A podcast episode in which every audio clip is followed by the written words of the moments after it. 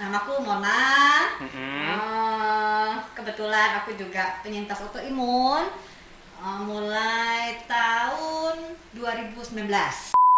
Aku dermatomyositis. Dermatomyositis. Dermatomyositis. Oh, Ya. Banyak ya macamnya Banyak ya. Banget. namanya ya. Iya.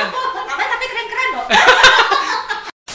Trigger makanya Iya. waktu itu tuh sempat parah karena aku minum antibiotik harus habis. Oh. Waduh itu pas hari terakhir minum antibiotik tuh sampai. Iya, Benar nih semua rata-rata overthinking, Heeh. gampang depresi. Oh, betul, betul banget. Jadi ya. Introvert. Jadi ya udah kayak lingkaran saya. Ke tukang cukur, botakin. Oh. Pas dibotakin itu ngeri banget. Di awal kita harus ini dulu istilahnya menerima ya, ikhlas Ikhlas istilahnya. ya. Oke, ini aku punya eh, gej- eh, autoimun sebenarnya eh, aku pernah baca jurnal kak, jadi bang. Jadi sebenarnya autoimun itu merupakan kumpulan gejala. Jadi bukan suatu penyakit. Gitu. Nah jadi ya cuman bagian kecil dari kehidupan kita lah gitu. Iya, jadi, iya. jadi istilahnya masih banyak hal lain kok yang bisa kita Yang- syukurin. Ah, ah, masih betul, bisa, betul, banyak hal lain betul. yang kita bisa jalani. Nah, ini pikirannya kayak gini Iya. penting nih. Ah, ah, jadi itulah eh, coba mungkin ditanamkan dulu ya untuk Betul, teman-teman betul. juga termasuk aku pun begitu. Ben-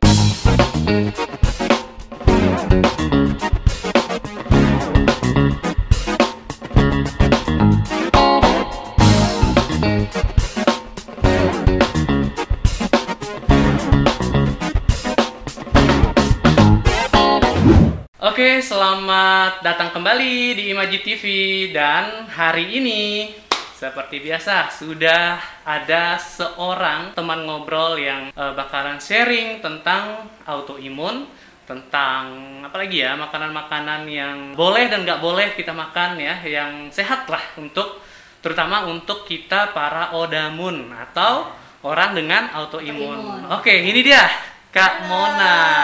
Kenalin diri dulu dong Kak. Oh iya boleh. Apa Oke. ya? Kenalin apa nih? Oke. Ah, namaku Mona. Mm-mm. Eh, kebetulan aku juga penyintas autoimun. Eh, mulai tahun 2019 akhir Oh, lah iya, 2019 iya, iya. jadi belum lama sih ya sebetulnya ya jadi ya sampai saat ini masih dalam tahap berjuang Iya, iya. dengan penyakit yang ada di tubuh kita Benar. Heeh, tapi ya Oke, aku permisi buka ya. aja. oh iya silakan Nggak apa-apa kalau pakai, Nggak apa-apa. apa-apa ya Iya, nggak apa-apa. jadi gitu aja kali ya singkatnya ya jadi ya gitu deh Ya, oke.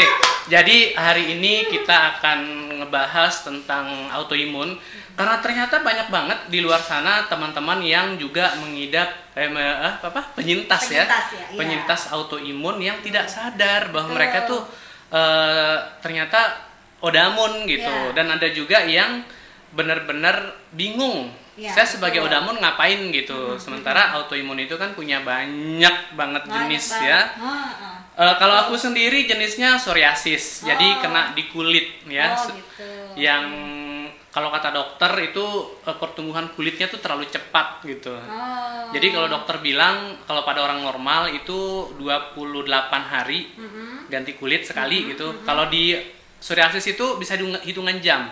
oh Jadi itu dia makanya kalau ada di kepala itu kulit kepala itu ketombean terus karena kulit matinya itu terus-terus muncul Oh, gitu. Heeh, Kayak gitu. Kalau. Kak Mona autoimunnya apa? aku dermatomyositis Dermatomyositis. Dermatomyositis. Oh, Ya. banyak ya macamnya Banyak ya. Banget. namanya ya Iya.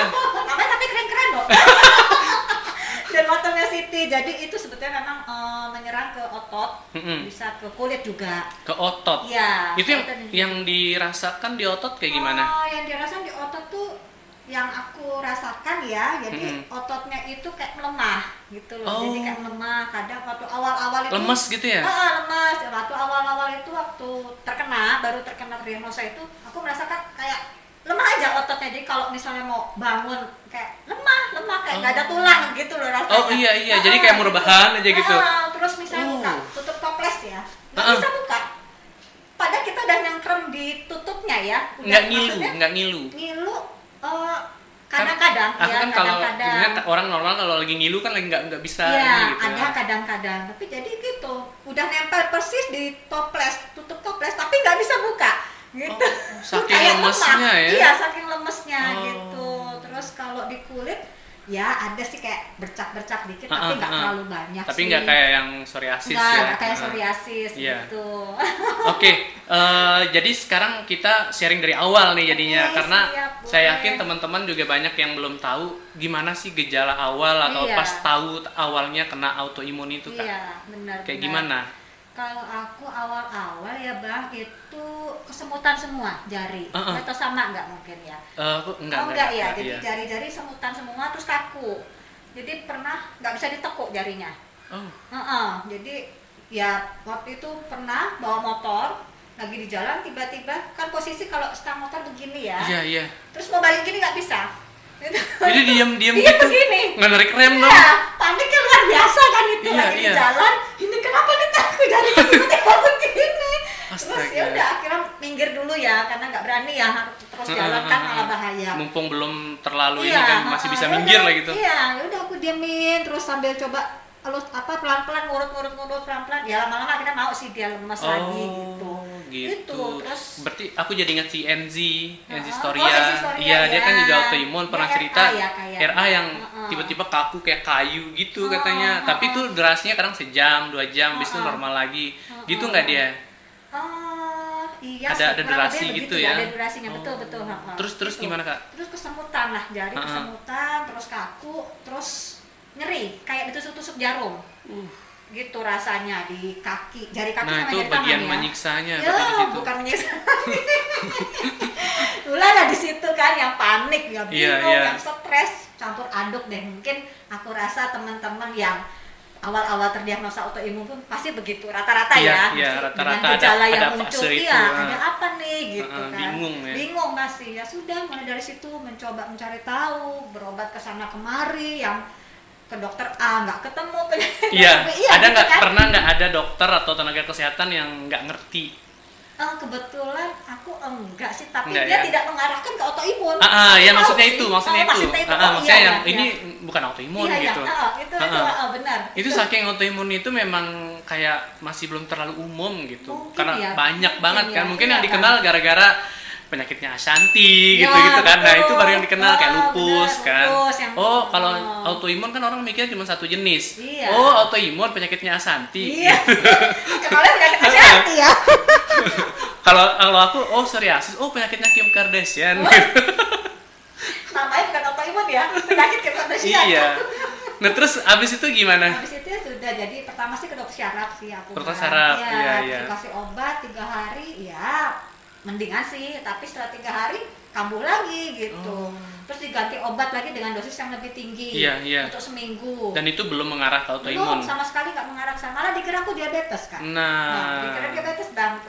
Kok diabetes? Kayaknya gulaku baik-baik aja. Terus kudu cek gula. Heeh, Normal. normal, iya. Akhirnya dikasih obat ya udah seminggu ya berkurang gitu lagi bang. Udah, aku, Oh. aduh udah deh coba deh ganti dokter lain gitu Iya, kan iya, dokter iya. syaraf lain sempat berapa kali ganti dokter empat juara aku Oh, berapa kali ya Bang? tiga kayak oh tiga Oh, lebih satu aku ya ya gitu itu masa-masa mencari yang benar-benar ya. penuh drama penuh sih drama dan Iya. di- ya gitulah ya bang ya Gitulah pasti ya. kita sama lah pasti eh, ada masa kita tuh kayak putus asa iya tapi Betul. mau putus asa juga nggak menyelesaikan bisa masalah, masalah, gitu betul, iya. jadi kayak kita tuh dipaksa mau nggak mau harus jalan gitu Betul, loh betul. bener karena tiba-tiba kan ya udahlah biarin aja deh gitu Iya. malah makin Penyakitnya nggak jalan bisa terus ya. nggak bisa Iya, didiamin bisa. gitu benar benar, benar iya. saya malah punya pengalaman waktu ke eh, tenaga kesehatan Oh. itu yang psoriasis itu kan ternyata belum sama sekali mereka tahu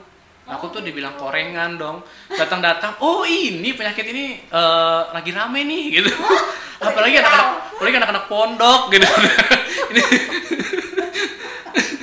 eh, mondok enggak setahu kan aku paling udah jaga kebersihan segala macem Iya, gitu iya, kan iya.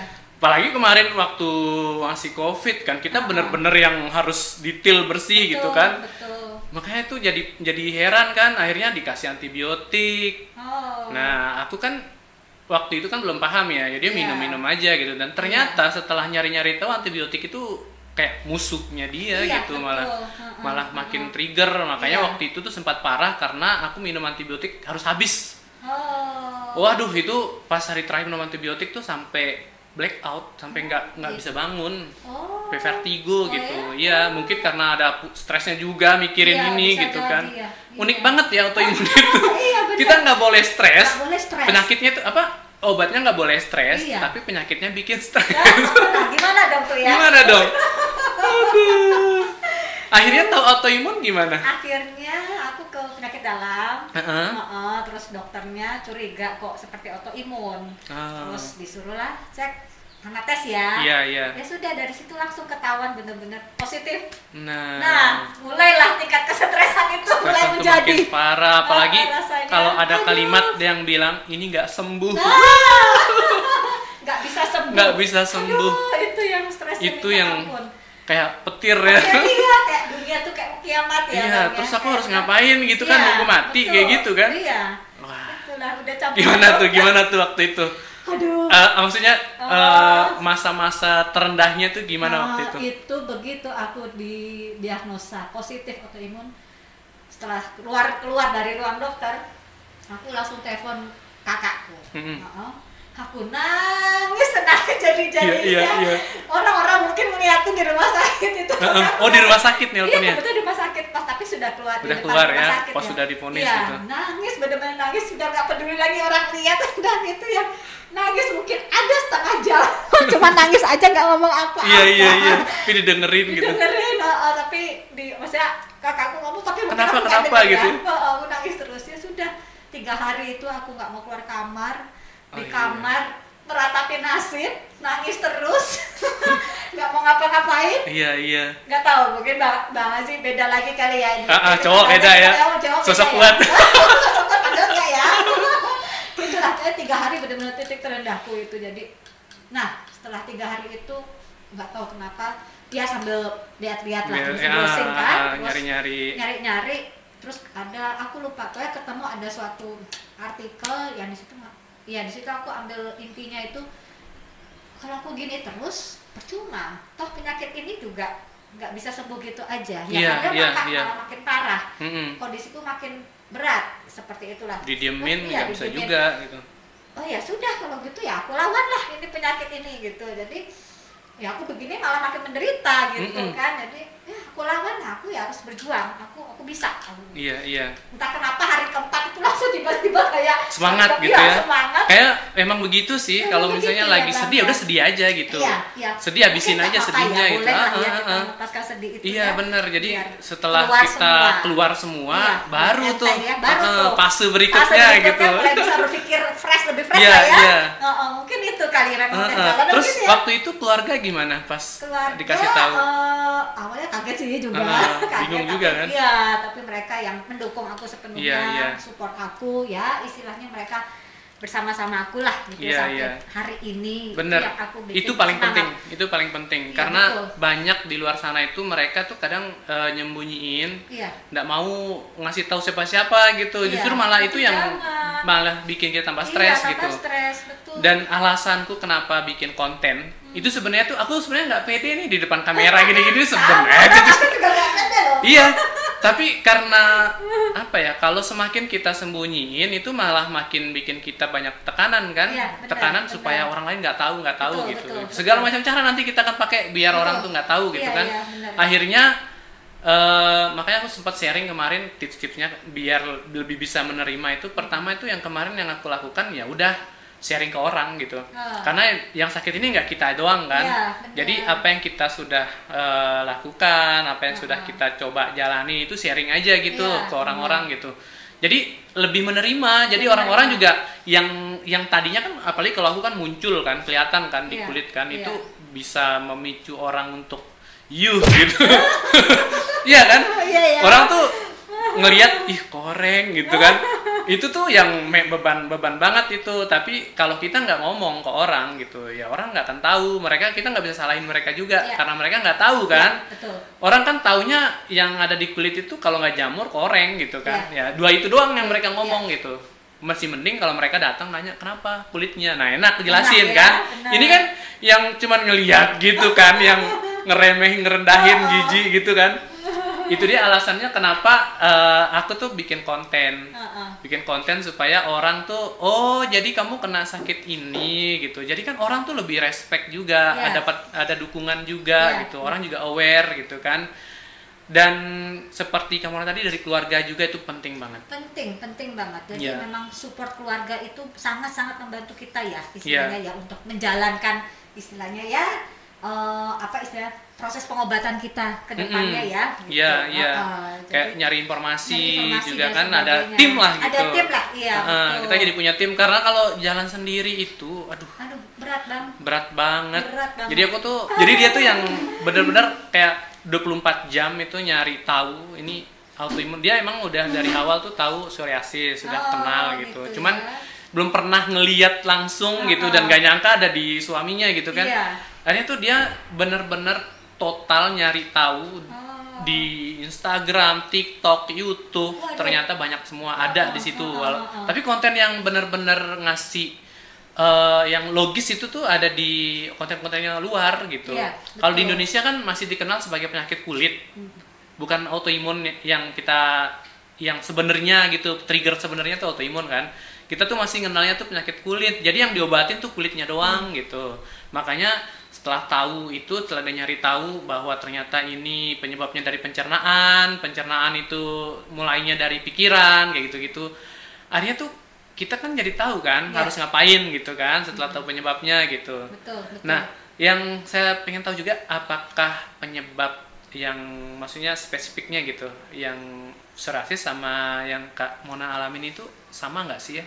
Oh. Tapi kalau secara umum kan sama ini. Iya, iya. Ah, ah, apakah ada hal tertentu yang lain gitu yang menjadi trigger? Eh, kalau jadi trigger sih Ya, yang Kak Mona ngerasain nih penyebabnya ini ini deh gitu. Heeh. Eh, maksudnya eh, sampai muncul si Ah, ah, autoimun ah, ini. ah. Kalau aku sih kemungkinan besar dulu memang aku kan eh, pencinta antibiotik. Oh gitu. Bukan pencinta sih Iya, iya, sebetulnya. iya, iya. Nurut. Langganan. Iya nurut. Iya. Jadi dikasih antibiotik Harus minum habis. aja. Ya harus habis minum aja pokoknya. Heeh. Pokoknya dikasih ini om antibiotik ini minum, antibiotik ini minum gitu. Iya, iya, Sepertinya iya. kebanyakan antibiotik dulu ya. Betul, saya Kemudian juga begitu. masalah di pencernaan udah jelas dari dulu Iya. memang dulu aku ada aku ada GERD. Ah, GERD, iya. Itu ya bener-bener orangnya ini sih, overthinking kayaknya deh. lumayan. Lumayan. Lumayan overthinking. Dan itu yang dibawa sampai ketik sampai stres lah Iya, iya, iya, iya. Jadi, Rata-rata sih ya. rata-rata sih ya begitu Iya, ya. iya. jadi ah udah jelas ini nggak bisa dipungkiri itu. dipungkiri. Tadinya enggak oh kok? gitu. Tapi Nah, pas tapi- tahu oh bener Iya, bener nih bener, semua rata-rata bener. overthinking Heeh. gampang depresi. Ah, betul betul banget jadi ya. Introvert. jadi ya udah kayak lingkaran setan Iya. ya Iya. gitu aja Gitu jadinya. terus gitu. saling berhubungan ternyata Heeh. bener ya gitu loh sekarang baru tahu oh iya ya ternyata begini ya begini ya aku Ya. soalnya gini eh, karena akhirnya banyak yang jadi tahu kan kalau aku psoriasis banyak teman-teman yang nanya gitu di YouTube di Instagram tuh DM-nya tuh te- apa tiap hari tiap hari tuh DM tuh Eh, dan mereka tuh rata-rata yang mengikuti ada yang saya senang banget ada yang bilang bang terima kasih ya videonya bikin saya jadi semangat lagi gitu. Bang makasih ya akhirnya saya bisa optimis nih remisi gitu. cuman ada yang tiba-tiba bang saya udah ikutin nih semuanya saya sudah makan ini saya sudah diet ini sudah minum suplemen ini tapi saya nggak sembuh sembuh itu kan adanya marah kan? Stresnya tapi kayaknya stres deh gitu. Terus tapi kayak kurang tenang deh. Itu yang susah. Ah, akhirnya ya Eh, eh, akhirnya ya udah mau mau gimana pun eh, mau gimana pun dietnya mau Iya. gimana pun ini kan yang saya bilang kan yang paling awal pertama itu ya pikiran Iya, gitu kan betul, betul. selama kita masih kayak belum menerima ya tetap aja gitu berat gitu iya benar-benar oh iya kak Mona ada vaksin ah sudah Sudah dua ya? kali. Aman? aman sih aman malah saya- habis vaksin aku langsung kerja Nah. Di rumah ya tapi kan udah udah apa- mempersiapkan diri sudah dulu kan ya sebelum vaksin vaksin kan sudah mempersiapkan diri Iya. iya Nah ini yang jadi masalah. Jadi banyak orang yang eh, tiba-tiba vaksin terjadi sesuatu gitu, karena ternyata autoimun gitu Hmm, Iya, kan. iya. Iya. Banyak juga ya, Banyak yang ya, belum iya. tahu bahwa Ah, ah, ah. autoimun gitu sebenarnya gitu. Nah Hmm. Kak Mona bisa nggak nih ngasih tahu teman-teman ciri-cirinya apa sih tanda-tandanya mau muncul yang apa sih tadi namanya Eh, autoimunnya Kak? Nah, dermatomyositis Iya, dermatomyositis itu awal-awalnya tanda-tandanya kayak gimana gitu? Hmm, sebetulnya kalau eh, jadi namanya autoimun misalnya eh, satu eh, jenisnya kayak seperti aku kan dermatomyositis ya Iya. mungkin ada yang berbeda juga ya gejala jadi tidak bisa sama semua gitu tapi Mm-mm. mungkin ada beberapa yang Iya, sama iya, yang Nah, umum. kalau iya yang umum ya. Kalau aku sih yang kayak tadi aku bilang bang di awal-awal jadi jari-jari tuh Yang- semua tadi ya. kesemutan. Iya terus Mm-mm. kaku, terus nyeri kayak ditusuk jarum. Iya. Terus sama oh sama eh, cepet capek rasanya, cepet lemas Heeh, gitu. padahal nggak- nggak terlalu berat, Iya itu cepet capek, cepet lemas gitu. Di kulit ruam tadi apa eh, bintik-bintik. ada iya sempat ruam merah di betis tapi enggak terus berapa hari kemudian hilang sih. Jadi, Iya iya, berarti lebih Eh, banyak ke lebih otot banyak itu. ke otot Heeh. iya gitu jadi awal-awal itu gejalanya Eh, Hmm. nggak nggak terlalu yang gimana gimana Iya iya. gitu. Nah Gitu kalau di psoriasis itu gejala awalnya itu aku tuh muncul kayak ketombe. Oh Awalnya ketombe, ketombe parah banget Oh. ketombenya tuh. Jadi setiap makan pedas, sampai itu kan iya berjatuhan itu. Jadi dulu tuh aku lucu-lucuan "Wih, salju. salju Tapi lama-lama kok nggak normal ya gitu. Lama-lama tuh kayak numpuk gitu loh, numpuk gitu. pas Kering gitu kulit kering banget. Oh. Jadi kulitnya tuh yang yang mati jadi ketombe kan. Jadi dia lebar-lebar. Itu kalau aku duduk di meja lagi ngetik apa tuh gini-gini. Nanti pas selesai tuh di lantai tuh kalau dikumpulin tuh bisa setengah gelas tuh. wow Iya. Jadi kayak gitu. ya. Oh. Lama-lama lama makin gak nyaman kan, makin Oke. gak nyaman. Akhirnya aku ke dokter kulit yang pertama eh, dokter kulitnya bilang, "Oh, ini seboroid." Oh, seborrheic, iya. iya. Masih belum ini nih. Oh, mungkin harus ini. Saya tuh orangnya suka ini ya, suka kayak oh ya deh nanti gampang kayaknya ada sih apa sih ada solusinya gitu. Terus dicek kan eh, coba lihat siku, siku ternyata ngelupas gitu. Oh. Siku- lutut gitu Heeh. oh ini udah ke arah psoriasis sih katanya gitu Oh. terkulit yang pertama waduh gitu apa nih gitu mulai tapi belum panik kan tapi udah gatal banget akhirnya ke tukang cukur botakin pas dibotakin itu ngeri banget. Aku pernah posting kayak fotonya tuh ngeri banget itu. Tuh? Di Instagram tuh kela- kepalaku tuh kayak gue ngeri kayak kayak apa ya numpuk numpuk numpuk gitu loh. Oh, kayak berlapis-lapis kayak ada gitu jamur berarti. kayak Oh, jamuran tapi gitu. kayak gimana ya pokoknya iuh banget lah pokoknya. Itu tuh aku lagi di tempat cukur kan kirimin fotonya ke istriku terus sampai sedih ngelihatnya ke ibuku Iya. juga. Aduh gitu kenapa gitu nah setelah itu tiba-tiba muncul bintik-bintik di kulit kayak eh, cacar oh yang aku belum paham sama sekali belum tahu itu autoimun untuk muncul bintik-bintik akhirnya waktu itu aku mikir wah ini darah kotor nih kayaknya gitu Heeh. udah lama nggak bekam akhirnya bekam Ah. bekam kan aku bekamnya rutin biasanya setiap Oke, bulan ah, bekam ah. akhirnya bekam di belakang eh malah di tempat bekam itu muncul, tuh Muncul bintik-bintik lagi. itu gitu Oh. lama-lama bintik-bintik ini membesar gitu. Gatel nggak bang? gatel karena dia kan kering kan Iya iya. bintik-bintiknya membesar dan akhirnya satu titik sama titik ini ketemu saking Oh, membesarnya gitu jadi di kulit tuh tiba-tiba di punggung muncul di kaki Oh, semua ya, semua. Oh, semua oh, oh, oh. mungkin adalah 80% Oh. ya kecuali muka waktu itu Iya. Nah akhirnya mulai sadar setelah nyari-nyari tahu eh, lihat-lihat oh ini psoriasis istriku sih yang nyari tahu segala macam karena aku nyari tahu tuh malah pusing gitu Pusing malah ya. malah stres gitu Untung ada asistennya ya. Ah, itu dia makanya itu masuklah ke fase kayak Kamona tadi yang Oke. berat banget itu Iya. yang padahal tadinya lagi dapat tawaran jadi host ini kok Aduh. kok Itu Imaji TV lagi jalan gitu kan. Waduh, ini gimana gitu. Terus mana waktu itu kita lagi merencanakan anak ketiga. Aduh. Jadi anak ketiga itu eh, kita tahu dia ada pas saya tahu saya sakit gitu. Jadi nanti umurnya dia sama umur ini sama gitu. Sama. Iya, nah tambah stres lagi kan. Iya, Maksudnya betul. stres ini kan nular nggak ya ke anak kayak gitu-gitu kan. Iya, iya. Nah, ternyata memang ada peluang Iya. untuk ke anak kena, tapi kalau ke trigger Iya. gitu. Kalau ke trigger misalnya stres, makan sembarangan. Tadinya stres banget. Waduh, gimana nih gitu. Udah kayak gimana akhirnya ke dokter lah gitu kan. Dokter ini, dokter itu sempat ke klinik kulit gitu kan sampai dokternya bawa ke sini. bawa ke sini kita podcast sama dokternya gitu.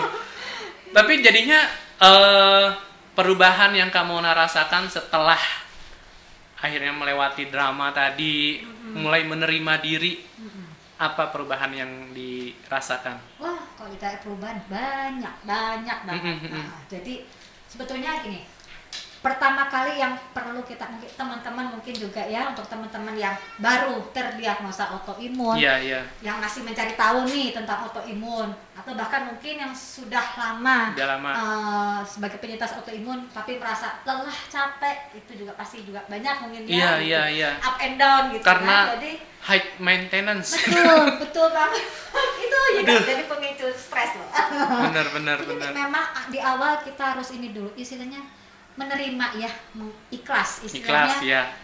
oke ini aku punya eh, autoimun sebenarnya eh, aku pernah baca jurnal kak jadi bang jadi sebenarnya autoimun itu merupakan kumpulan gejala jadi bukan suatu penyakit gitu. nah jadi ya cuman bagian kecil dari kehidupan kita lah gitu Iya, jadi, iya. jadi istilahnya masih banyak hal lain kok yang bisa kita Yang- syukurin masih betul, bisa, betul, banyak hal lain betul. yang kita bisa jalani Nah, ini pikirannya kayak gini Iya. penting nih. Ah, ah, jadi itulah eh, coba mungkin ditanamkan dulu ya untuk teman-teman juga termasuk aku pun begitu Benar, gitu. kita juga kadang turun naik down, juga iya, kan? gitu. Iya, jadi kita terimalah penyakit itu ya sudah memang ada di badan kita, kita terima, kita ikhlas dan coba berdamai dengan penyakitnya, bersahabatlah dengan penyakitnya. Iya. Itu bantu loh.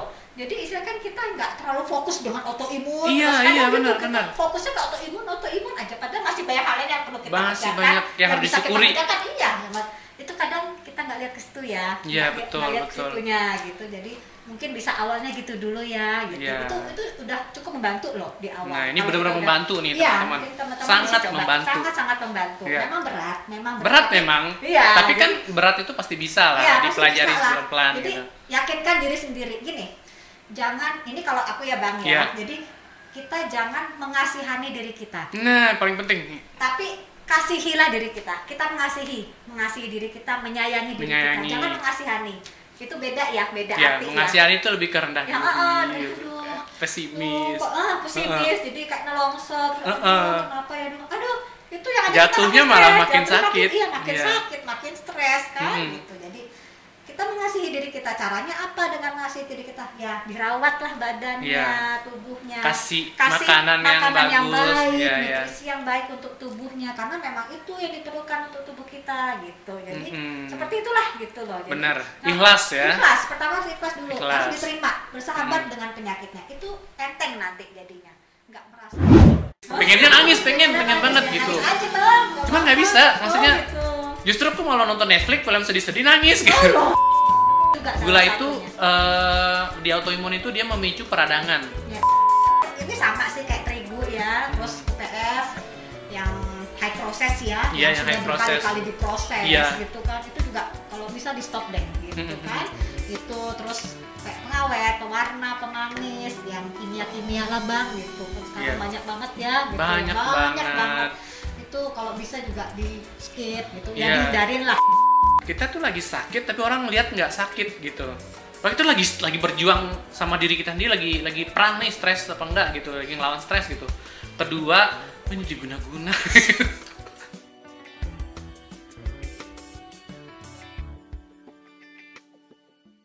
pasti bisa lah pasti dipelajari pelan-pelan Jadi gitu. yakinkan diri sendiri. Gini, jangan ini kalau aku ya bang ya. Iya. Jadi kita jangan mengasihani diri kita, Nah, paling penting tapi kasihilah diri kita. Kita mengasihi, mengasihi diri kita, menyayangi diri Menyayangi. kita. Jangan mengasihani. Itu beda ya, beda ya arti mengasihani itu lebih ke rendah Ya, diri, gitu. aduh. pesimis. Oh, kok, ah, pesimis, jadi kayak nelongsor. Uh-uh. aduh, kenapa ya? Aduh, itu yang ada Jatuhnya kita malah stres, makin jatuhnya sakit. Iya, makin Iya. sakit, makin stres kan Hmm. gitu. Jadi kita mengasihi diri kita. Caranya apa dengan mengasihi diri kita? Ya, dirawatlah badannya, Iya. tubuhnya. Kasih makanan yang bagus, baik, iya. nutrisi yang baik untuk tubuhnya. Karena memang itu yang diperlukan untuk tubuh kita gitu. Jadi Mm-mm. seperti itulah gitu loh. Jadi, Benar. Ikhlas ya. Ikhlas. Pertama harus ikhlas dulu, Ikhlas. harus diterima, bersahabat Hmm. dengan penyakitnya. Itu enteng nanti jadinya, nggak merasa terbebani. Iya.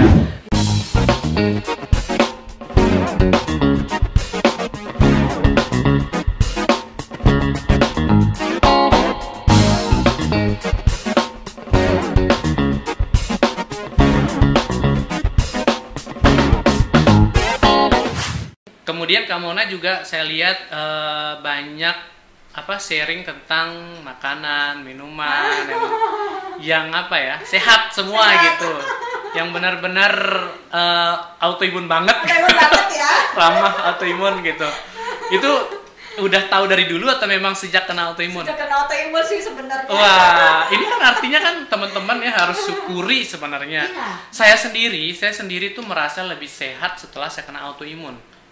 Kenapa? Karena dulu sebelum kena autoimun itu kayak hidup itu brutal banget gitu.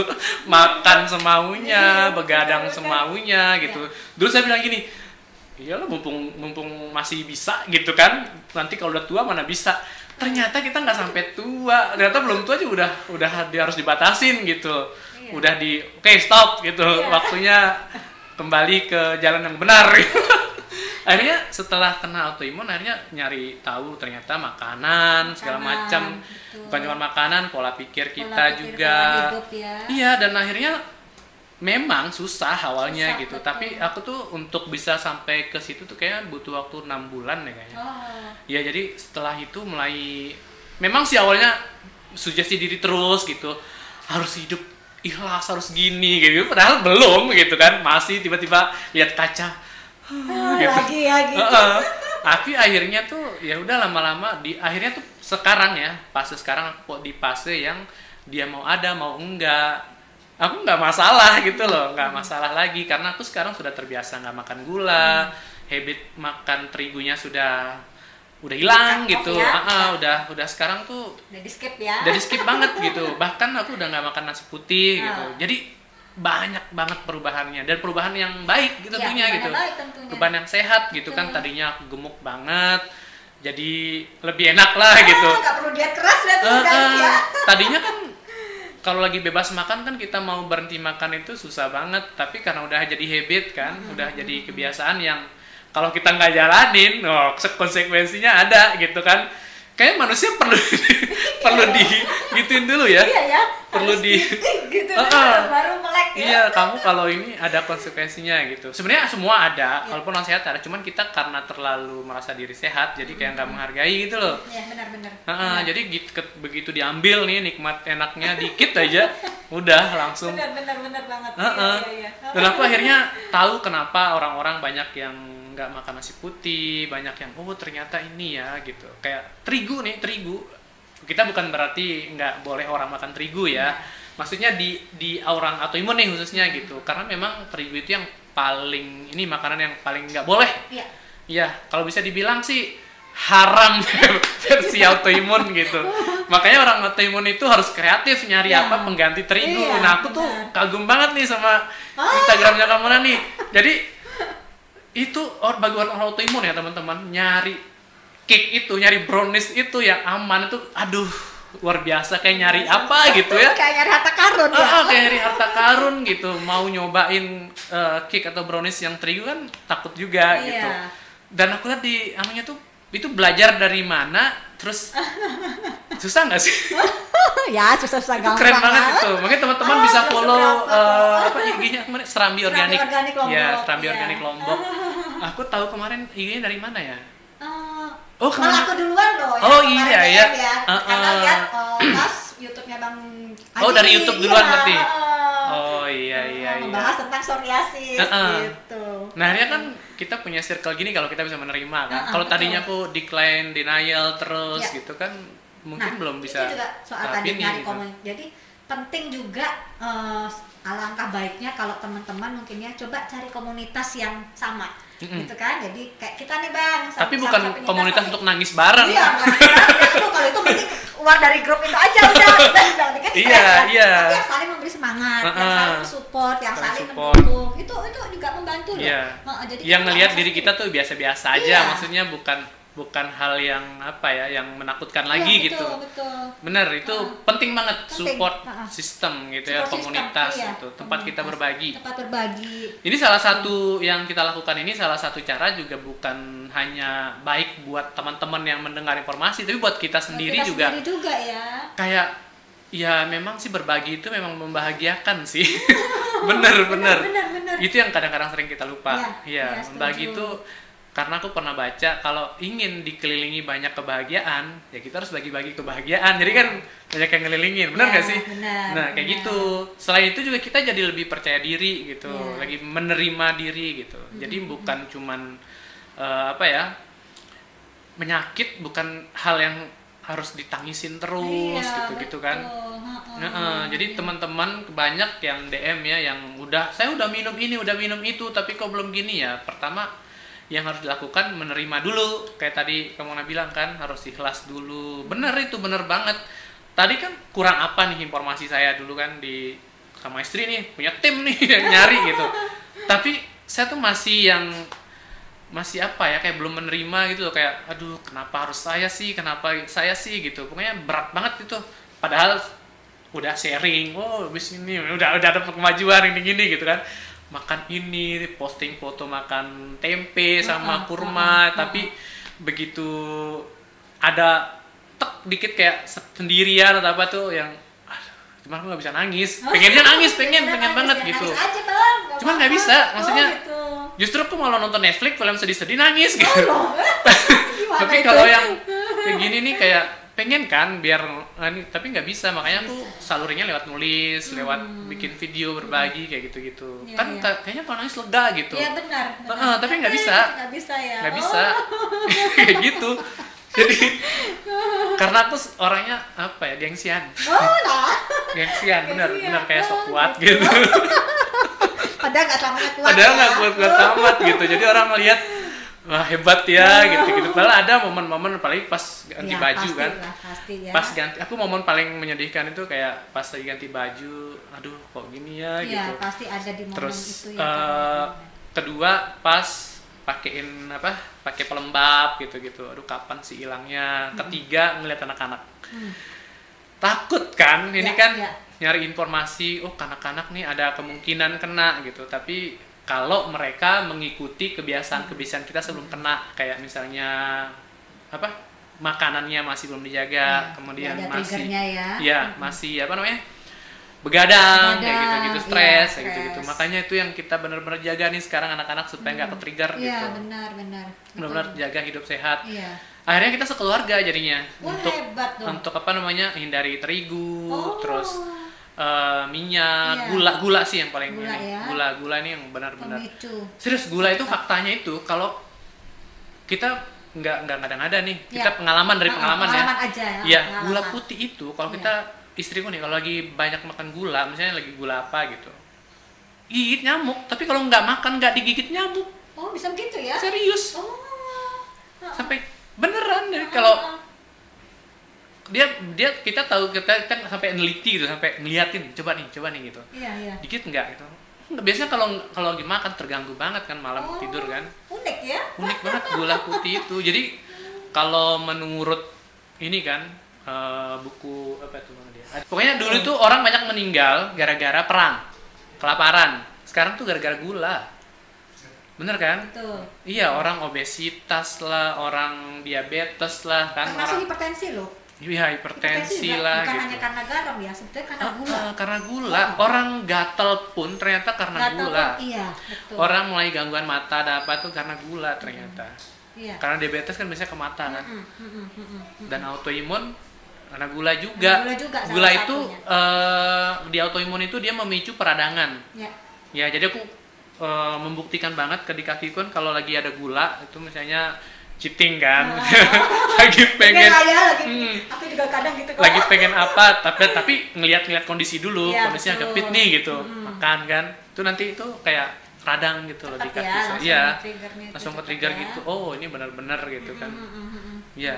Jadi berarti Kak Mona yang dihindari apa ya sekarang yang nggak pernah lagi dimakan? Eh, kalau umumnya Terigu udah iya sama ya. sih ya, Iya. maksudnya yang apa istilahnya yang eh, yang kita sama lah sama-sama ini ah, kita protokol yang sama ya. nih, ah, oh, kita udah ke makanan ya sekarang ah, ya. kita udah ke Nah, makanan. protokol yang ini sama sih kayak terigu ya, terus UPF yang high process ya, Iya, yang yang, sudah berkali-kali diproses Iya. gitu kan, itu juga kalau bisa di stop deh gitu Mm, mm, kan.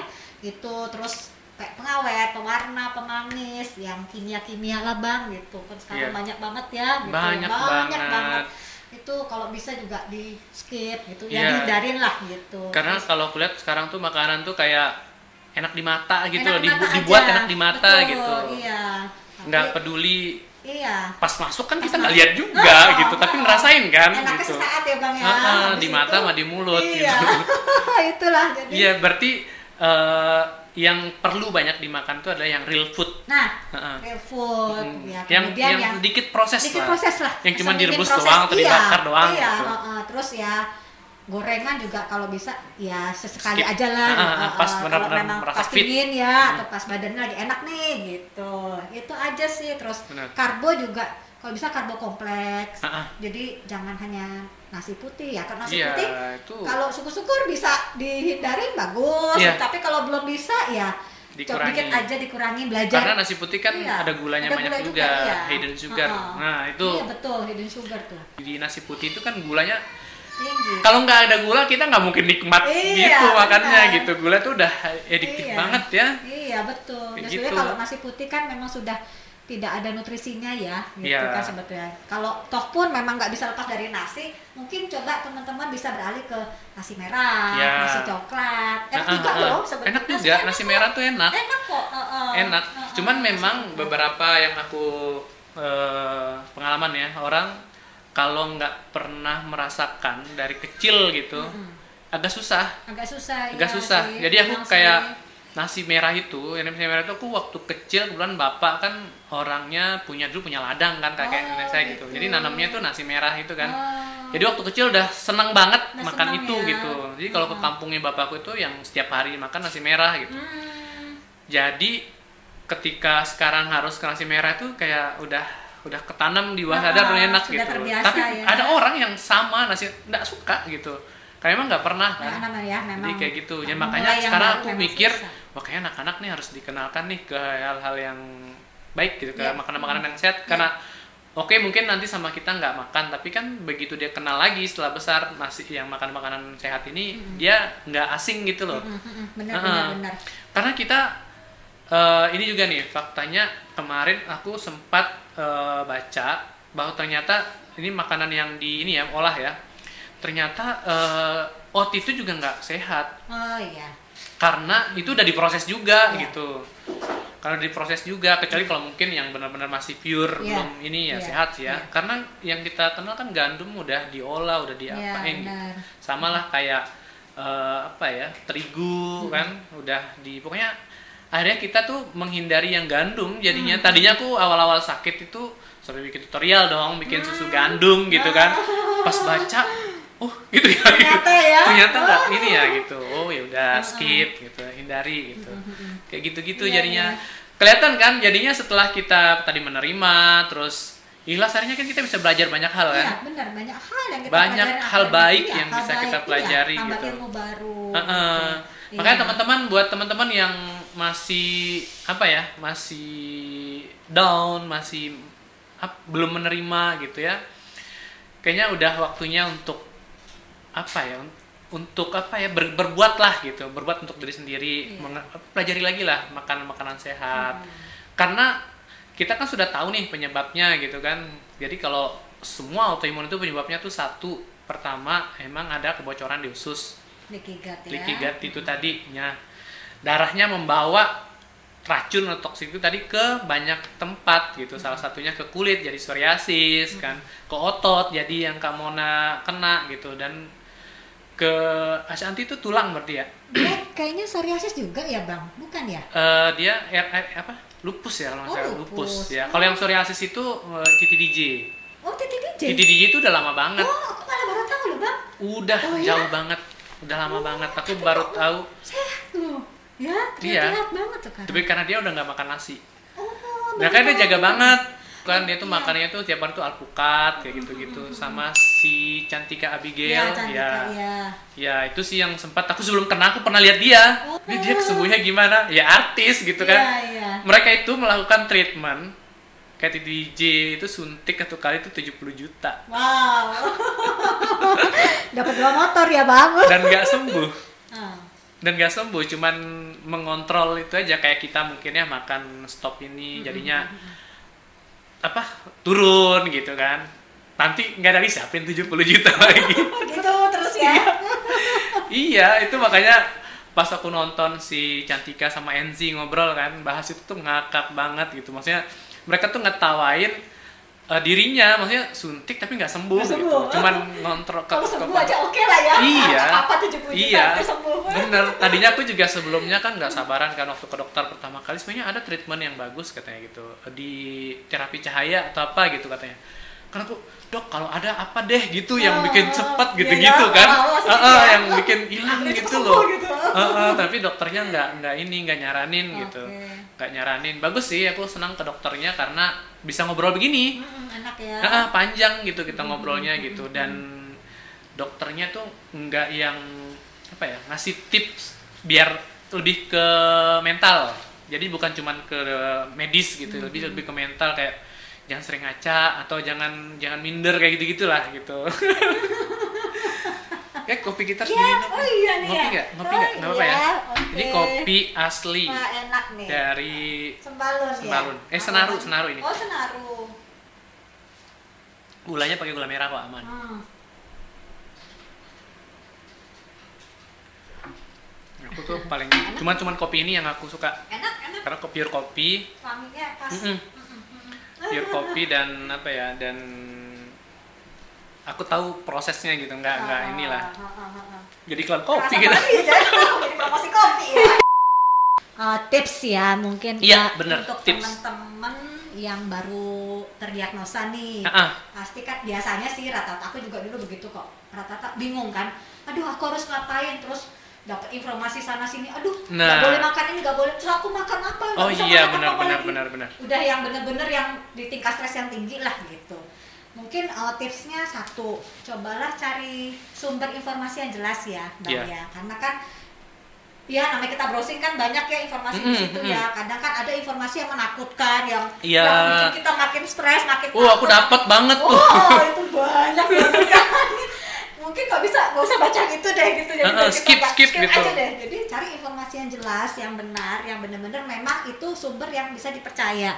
Itu mungkin salah satu untuk satu tipsnya ya. Iya, jadi iya. bikin kita jadi yang dipercaya itu ke orang yang ke kena orang yang kena, Ah, ah, yang atau kena dan sharing. dari dokter yang memang Iya, benar-benar dokter. yang berinformasi yang tepat, yang benar. Jadi kita bisa terarah ya, maksudnya harus ke mana nih, gimana nih gitu. Terus soal makan, mungkin juga di awal pasti bingung kan? Iya, bingung Aduh, banget bisa pasti. makan ini lagi, terus makan apa dong? Apa gimana?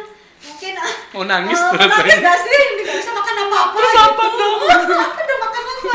Sebetulnya banyak banget loh maksudnya iya nggak nggak makan itu pilihan lain masih banyak, Banyak banget ternyata kalau ya. kita cari ya cari Mm-mm. tahu dan nggak usah stres jadi istilah gini pelan-pelan aja dulu santai iya nggak iya usah iya yang terburu-buru emang nggak ada yang langsung bisa sih iya jadi bertahap lah semua itu kan proses ya bang ya jadi nggak usah langsung. Contoh nih misalnya kan ya memang mungkin kalau makanan yang lebih baik organik ya memang Iya. ya bang ya. Tapi eh, tidak harus memaksakan organik kalau memang Iya, kita benar, nggak bisa. Benar. itu Malah malah stres. udah makanan stres makin numpuk. Belum obat. Jadi kalau memang belum bisa ke organik ya udah nggak apa-apa gitu. Yang penting eh, yang kita bisa aja dulu yang Iya. eh, eh, bertahap. Istilahnya mungkin kita eh, gula misalnya kita baru bisa ngurangin gula itu aja dulu iya iya pokoknya kita berjalan pelan-pelan dari pelan-pelan. kebiasaan yang awal Iya. kebiasaan baru gitu iya heeh. terus nasi mungkin kurangin yang biasanya 5 sendok mungkin 5 sendok eh, bes- centong nasi Mm, mm, kurangin, mm, kurangin, gitu. kan bang ya banyakin sayurnya banyakin gitu kan sayur, sayur kan murah buah. iya benar sayur murah apalagi iya. di Lombok kan banyak Oh, oh, banget gitu kan kita aja nggak biasa kita gitu nggak biasa iya Heeh. nah cobalah ntar untuk kalau udah terbiasa. biasa pasti bisa iya benar itu terus eh, nah sama kalau teman-teman stres nih mungkin mengatasinya bisa apa nih hobi teman-teman? Iya. misalnya sukanya olahraga. Olahraga lah gitu loh. Eh olahraga juga penting loh bang. Penting penting penting banget penting. loh untuk autoimun ya Iya. gitu. Jadi olahraga ringan lah gitu. olahraga pokoknya ringan ya, berkeringat. sesuaikan ya dengan kemampuan lah ya kemampuan gitu. kita. bisanya apa dan di sini berkeringat itu aku ngerasain perbedaan ya berkeringat yang kita gerah sama berkeringat olahraga tuh beda loh. Beda ya? Beda. Iya, benar-benar, benar. aku kalau berkeringat karena gerah tuh nggak enak banget. Enak ya? nggak Ah, enak banget. tapi kalau berkeringat olahraga itu segar banget Segar, dan enteng kita kayak badannya optimis ya. gitu. Iya, kayak ada harapan baru iya iya kayak oh ini sehat gitu kalau terus gini sehat nih gitu. Oh, terasa kan? Kerasa uh, Benar. itu benar. itu penting banget olahraga, Olahraga, ya. bebas deh terserah mungkin mau jalan jalan pagi gitu kan Iya, muter-muter lapangan tuh atau Nggak usah yang berat. nggak usah berat gitu sesuaikan dengan kemampuan kalau memang nanti bertahap lah gitu semuanya ada prosesnya ya bang ya Iya. gitu terus Jangan ya, yang kayak mau langsung sembuh gitu, oh, oh, apalagi aduh luka sedikit aja nggak bisa sembuh langsung Iya, kan, apalagi betul. ini yang udah dibilang sama ber- dokternya nggak tahun-tahun sembuh. kan. gitu. Oh, oh. ibaratnya kan kita udah bertahun-tahun meracuni badan kita nih Nah, benar. masukan apa makanan yang masuk tuh yang ya yang yang istilahnya yang buat sebetulnya dia tidak inginkan gitu Heeh, Jadi Kipi ya, kita udah ngasih salah kita Oh, juga salah gitu. kita juga. Kayak kita disuruh ini sih, kayak kita disuruh memperbaiki, memperbaiki gitu, suruh ya. tobat. kita banyak memasukkan dosa, jadi itulah lemak jadi segala macam. oh, aduh. pola hidup lah pola Iya, hidup yang pola lebih hidup. sehat Benar. pola hidup pola makan lebih Eh, Kak Mona pernah nggak eh, terakhir nih? Eh, pernah nggak eh, dibilang orang, orang bilang "Eh, ini ini kena kutukan, kena kena guna guna gitu. belum. Belum ya? Nggak sampai deh Oh itu yang psoriasis Apa sih sama yang. pernah. Oh aku tuh kan waktu itu awal kena kan lagi aktif-aktifnya nih. oh. Ikut lomba ini, lagi ada kegiatan sama Angga, bikin festival kan besar, terus ada jadi host, terus Oh. bikin ini gitu. Belum di tempat kerja, akhirnya kan kita tuh kelihatan apa? Kita tuh lagi sakit, tapi orang lihat nggak sakit gitu. Ada yang bilang pertama, memang ini banyak teman-teman autoimun yang ngerasain ini, gitu. apalagi autoimun yang lain yang yang lemas, yang lupus segala macem. Pertama kita tuh akan dibilang kayak males. Apalagi itu lagi lagi berjuang sama diri kita sendiri, lagi lagi perang nih, stres apa enggak gitu, lagi ngelawan stres gitu. Kedua, "Oh, ini diguna-guna. ini diguna-guna. Terus kedua, ini disuruh tobat nih dosa. Terus apa lagi ya? Pokoknya koreng udah kan tadi kayak kayak gitu. Kalau ada bahasa Sasak tuh edeh. Edeh. Edeh itu kan penyakit yang kayak kayak apa ya? Kayak kotor banget gitu.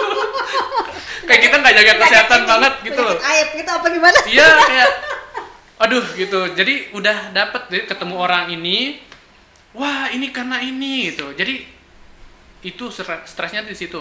Ketemu keluarga yang ini, wah ini kena ini, kamu coba ke sini deh gitu. Coba ke dukun ini deh. Atau ada yang bilang, coba rukiah.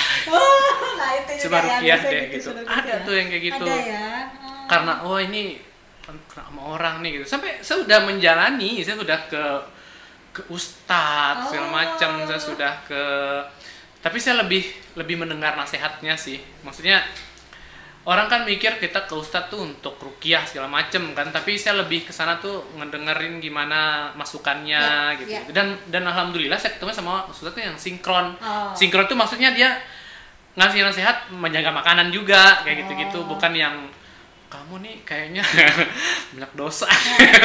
kayaknya harus pergi harus ya aduh gitu kan ada kayak gitu kan atau ada yang goib ada yang negatif di Waduh, badannya gitu gitu kan waduh tapi memang namanya kita lagi mencari mencari ini kan waktu itu kan saya jalanin gitu Iya, iya. datang gitu Iya.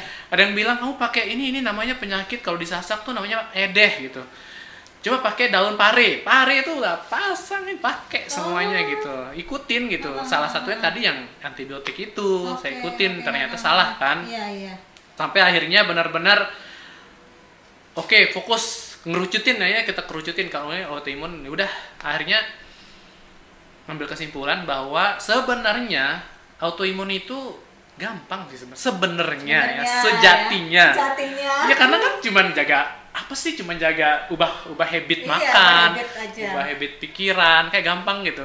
Tapi menjalaninya tapi menjalaninya gengs. Aduh Oh itu my perjuangan God. banget. Untuk nggak stres aja wah. Baru stres aja loh. Tapi memang itu saya tuh kan dulu kan sering gatel banget Oh. gatel banget. Itu tuh saya kan usahakan jangan minum obat. Iya. Akhirnya tuh saya coba caranya itu saya kalau lagi gatal tuh saya coba kayak orang sama dia gitu kayak orang apa sih meditasi gitu. Tarik nafas buang. Hilang serius. Ah, hilang bener-bener harus tenang banget. Kalau nggak gitu duduk tuh sambil tiduran kayak kayak kayak jangan pikirin apa-apa udah tidur kayak kayak apa ya kayak emes tidur aja gitu nggak ada Iya, beban. iya, iya, hilang. Eh, tapi tapi benar loh itu juga Iya, aku setuju banget karena aku juga ya hampir sama sih sebetulnya uh, triknya ya Iya, Kalau iya. aku juga aku punya kebiasaan gini bang setiap bangun tidur bangun pagi ya aku selalu apa istilahnya afirmasi Ya, positif. iya, iya, iya. aku selalu ke depan kaca tiap pagi rutin bangun tidur langsung ke depan kaca ngomong sama ke Iya, iya ngomong ke diri sendiri. aku sehat aku kuat ya pokoknya yang baik-baik lah ya aku Iya, maksudkan. iya, itu iya. itu ini loh eh, manjur loh maksudnya Iya kita kan daripada kita bangun-bangun aku Oh, kenapa aduh kok begini Kayak sadar gitu, kan tidur kan tadinya lupa kan, pas Iya. bangun ingat lagi. Oh, oh. Aduh. ya saya jangan meratapi Jangan lah, iya, benar, jangan ngasih benar. nadi gitu aja Iya. jadi ya, pilihan kembali ke kita sih ya istilahnya kita Betul. mau meratapi nasib dengan kondisi yang begini atau kita mau bangkit berjuang Benar, untuk benar. bertahan Iya. kan gitu nggak ada pilihan. Iya, Kalau pilihan. di penyakit ini tuh nggak ada pilihan. Nggak ada Kita mau nyerah, maksudnya yaudah deh biarin aja nyerah. Nggak bisa bisa juga, nggak bisa juga gitu. Ya mau nggak mau, mau nggak mau kita harus ngelawan gitu. Harus ngelawannya bukan berarti kita harus perang gitu. Perang Iya, sama diri sendiri, diri sendiri sama ya, iya, nafsu iya, sendiri, iya, iya, sama keinginan-keinginan kita Betul, betul. dibatasin Iya, gitu. iya benar jadi itu sih Memang yang paling berat ternyata mengalahkan diri sendiri Iya, ya. loh, itu susah itu paling susah. Kita Iya. mengalahkan orang lain tuh gampang banyak banget caranya gitu. Iya, Tapi iya. Begitu kita dalam keadaan kita harus mengalahkan diri kita Iya, itu benar, berat benar. banget ternyata Benar, ya. Dan kita bersyukur nih bisa sampai ke tahap ini gitu Iya, kan. wah itu Itu- benar-benar Aduh, Apa jauh ya? lebih berharga dari apa pun Betul. kayaknya yang pernah ya. kita dapat. Oh, oh, jadi sama ini deh mungkin ya misalnya apa pun kemajuan apa pun perubahan walaupun kecil banget syukurin gitu Iya, benar benar. harus disyukurin Bener, Ya tadinya kan? saya tuh juga gitu. Tadinya Oh. pengennya tuh ngelihat lama sih gitu. saya tahu ini mengefek bagus, tapi kok lama sih gitu. iya Tapi akhirnya tuh lupa ya. menerima ya udahlah, yang penting ada perubahan Iya. gitu kan, syukurin aja. Pas Oh, ngecek, oh. pas misalnya istriku bantuin ini dong pakai pelembab di belakang, Oh. dia ngeliat ih udah berkurang nih nah, gitu. itu kan kemajuan ya Senang gitu sebetulnya kan. Kayak gitu. syukurin jadi Pokoknya hindari stres lah. ya. hindari stres lah gitu memang susah tapi ya dicoba Stres, stres tuh akan mengaruh ke banyak hal Waduh, nanti. triggernya itu Triggernya. cepet banget. Iya. Waduh luar biasa banget ya, Iya seru ya, banget kita seru ngobrol. Ya, ke sana kemari ya, Iya. Tapi eh, insya Allah ini obrolan kita banyak informasi sih, Iya. banyak. Karena saya ngerasa sekali dulu nggak ada nih yang kayak gini kita ketemu gitu kan. Hmm. Jadi teman-teman sekarang eh, bisa ngambil lah berharap harapannya gitu. Iya. Teman-teman bisa ngambil banyak informasi harapan ya dari obrolan kita eh, di episode teman ngobrol kita kali ini yang ngebahas tentang autoimun dan segala macamnya lah tadi kita udah ngobrolin gitu. Harapannya teman-teman eh, nggak perlu la- lama dramanya gitu. Iya, Masa pencariannya lama-lama. jangan lama-lama Iya, gitu. benar. Iya, bi- kalau bisa skip aja langsung gitu kan. Iya, pengen gitu karena kita sendiri udah ngalamin Kita kan gimana ngalamin rasa ya. beratnya, Iya, bahkan kita sampai pengen ya udah kelarin aja hidupnya kayak gitu. Aduh, jangan dong. Iya, jangan sampai seperti itu, Jangan. teman-teman. Astagfirullah, gitu. istighfar. gitu. Istighfar, jangan. Jangan, iya, Jangan. bener. Dan kita eh, berterima kasih banget Kak Mona udah mau Sama-sama, datang ke sini ya. Udah diundang ke podcast Udah datang ke labirin pejeruk. Aduh, videonya aku suka. Kapan-kapan kalau Mona mau ke sini lagi, mau Iya. bikin konten apa pun kita siap. Masih ya. Ya, Kita collab ya, Bang. Kita collab. ya. Karena kalau saya tuh kalau tujuan untuk kebaikan tuh saya selalu siap. Iya. Iya, iya, karena- benar-benar berbagi. Apa ya? Berbagi itu membahagiakan. Oke kan lo juga. Iya, benar, berbagi, benar. berbagi itu membahagiakan. Betul, betul. Sekali lagi kalau kalian ingin dikelilingi oleh kebahagiaan, bagi-bagi kebahagiaan caranya. Seperti itu. Setuju. Ya, oke. terima kasih Oke. banyak teman-teman yang sudah nonton. Em, jangan lupa seperti biasa tekan tombol like, subscribe dan nyalakan loncengnya. Oke, tapi kalau teman-teman misalnya pengen bertanya atau diskusi, silakan komen di komentar atau bisa eh, di Instagram kita. Iya, Ya. Instagram saya di @bangaji08 atau di Kak Mona. Serambi organik Lombok. Serambi Organik Lombok di situ kalian bisa ngeliat pasti ngiler tuh. di situ ada jawaban dari pencarian kalian tentang makanan-makanan enak yang aman untuk autoimun. Yang ringan cerna. Iya. Wah. Pokoknya tuh eh, di Lombok aku tuh nyari banget dulu mana nih tempat oh ini gitu minimal kita bisa melihat resepnya Iya, kita bisa ya. Ah, ah, kayak Iya, gitu kalau mau diorder bisa ya Bisa. bisa ya Oh, oke iya iya iya wah keren banget nih Iya. komplit maksudnya kita kayak puzzle gitu loh Kayak puzzle ya. Ah, ah, Mencari, melengkapi mencari, mencari, melengkapi kok gitu Gampilnya ketemu ketemu Ah, ah, gitu ketemu ya. gitu kan. Nah, ini bagus buat teman-teman nanti yang mungkin baru terkena autoimun, Iya. jadi nggak perlu sedihnya lama gitu, Iya, sakitnya Kamu lama. nggak sendiri kok. Ah, ah, Banyak nggak kita. sendiri. ah, ayo semangat, jangan optimis, jangan Cari hal-hal positif. Iya, benar. Oke, terima kasih teman-teman sekali lagi. Kamuna terima kasih juga Sama-sama, sudah Bang. mampir ke sini dan ya udah, udah.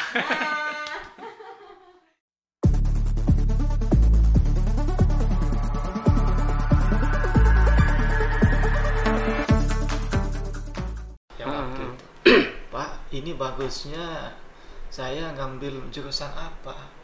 Maka bapak waktu itu sama sekali tidak ada bilang kamu harus mengambil jurusan Nah, tafsir. uh-uh. jadilah ustaz berdakwah. Tidak pernah bapak bilang seperti itu. Ya baca itu oh, ini sepertinya tidak begini. Tapi di satu sisi saya mau membantah saya juga tidak punya ilmu yang berhubungan Nah, dengan tafsir dia. dengan hadis. Maka waktu itu saya berpikir bahwa kalau saya ingin membantahnya kalau saya ingin, meluruskan sesuatu tentu saya harus isi juga diri saya dengan ilmu. Sebagaimana yang dikatakan bahwa saya faqidus syai' la yu'tihi katanya. Orang yang tidak memiliki sesuatu bagaimana mungkin dia akan memberi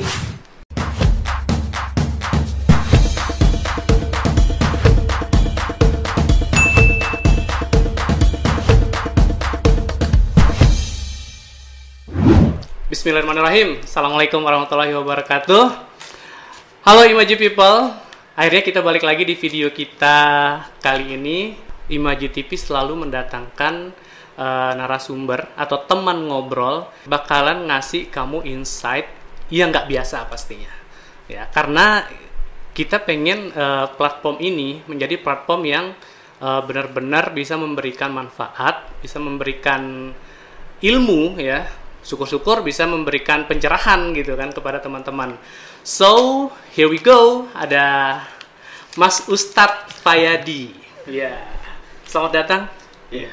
terima, kasih. ya terima kasih sudah uh, menyempatkan untuk hadir di Imaji TV saya tahu untuk datang ke Pejeruk itu emang sebuah perjuangan ya Betul. karena orang tuh kalau dengar Pejeruk itu pasti Iya. labirin gitu Labirin, sempat betul. nyasar nggak tadi sempat Nah, Sempat nyasar. itu makanya pas tadi pakai maps kan Heeh. Nah, pakai maps katanya belok kanan saya udah belok kanan heeh. pas udah belok kanan kok ini ada kantor advokat ini mau bikin podcast apa mau sidang ini kan Iya ya, kebetulan eh, gini makanya kayak gitu kayaknya ya, rumah ini kedeteknya tuh belakangnya gitu. oh iya kemungkinan seperti depannya. itu Iya. betul. Oke, ya jadi kita sudah kedatangan seorang ustadz muda yang dimiliki oleh Kota Mataram ya, yang apa ya? Kalau kalian pernah nonton eh, podcastnya dia sebelumnya di channel lain itu, buat saya pribadi itu benar-benar harus banyak orang yang tahu gitu, harus banyak anak-anak muda yang tahu. Itu dia kenapa eh, saya dan teman-teman harus ada nih ustadz muda kita di sini gitu. Tapi sebelumnya eh, saya pengen dong tahu gimana sih eh, masa kecilnya. masa kecil ya Iya. Seperti apa masa kecilnya? Apakah seperti anak-anak lain pada umumnya? Terus eh, mungkin didikan orang tuanya seperti apa gitu? Bisa jadi inspirasi buat orang tua lain. Gitu. Ya. Nah, jadi kalau kita membahas tentang masa kecil saya itu sebenarnya dipenuhi dengan kisah dan juga hal-hal yang cukup unik sebenarnya. Masya Allah. Nah, Menarik. jadi dulu itu saya sejak masih kecil itu saya dipenuhi dengan rasa ingin tahu yang besar. Nah, jadi apa namanya? Saya itu kalau melihat satu hal yang berbeda, itu seolah-olah ada dorongan, ayo coba, ayo coba. Bahkan dulu saking ingin tahunya saya dulu, kan dulu waktu masih kecil itu setiap mau apa namanya? colokin cok itu kan dulu Iya, pas iya. masih kecil kan kita dilarang dulu jangan Ah, iya, itu iya. disetrum dan Listrik itu sebagainya. harus jauh dari anak-anak gitu.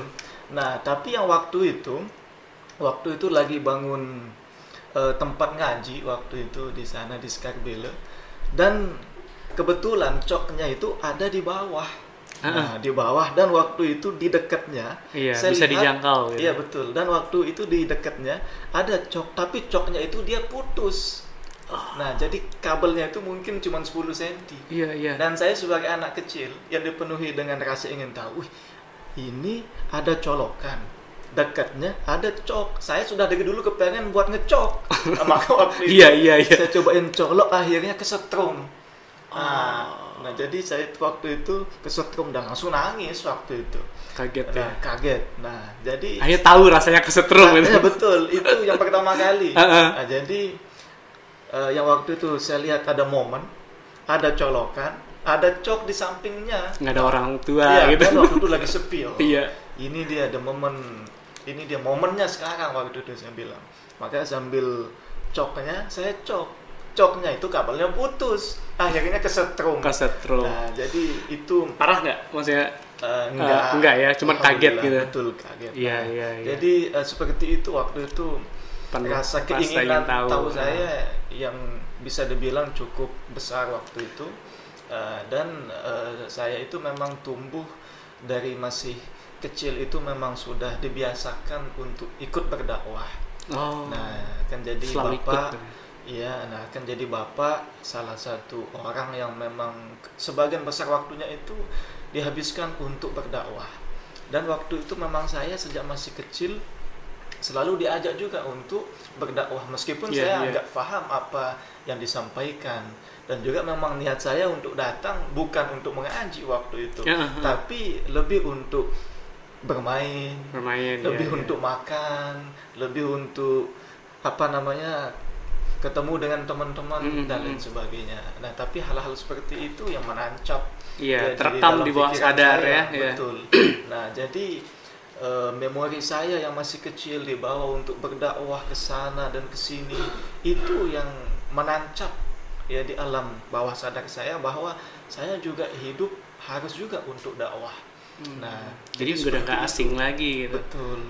Nah, Iya. jadi kalau membahas tentang masa kecil, memang saya sudah dibiasakan untuk apa namanya minimal saya bisa melihat, Melihat. ya dakwah itu seperti apa, kemudian bagaimana kita hidup supaya bisa memberikan kemanfaatan untuk orang lain dengan apa pun caranya apakah itu dengan ilmu, harta, pangkat dan jabatan ataupun itu dengan tubuh dan lain sebagainya.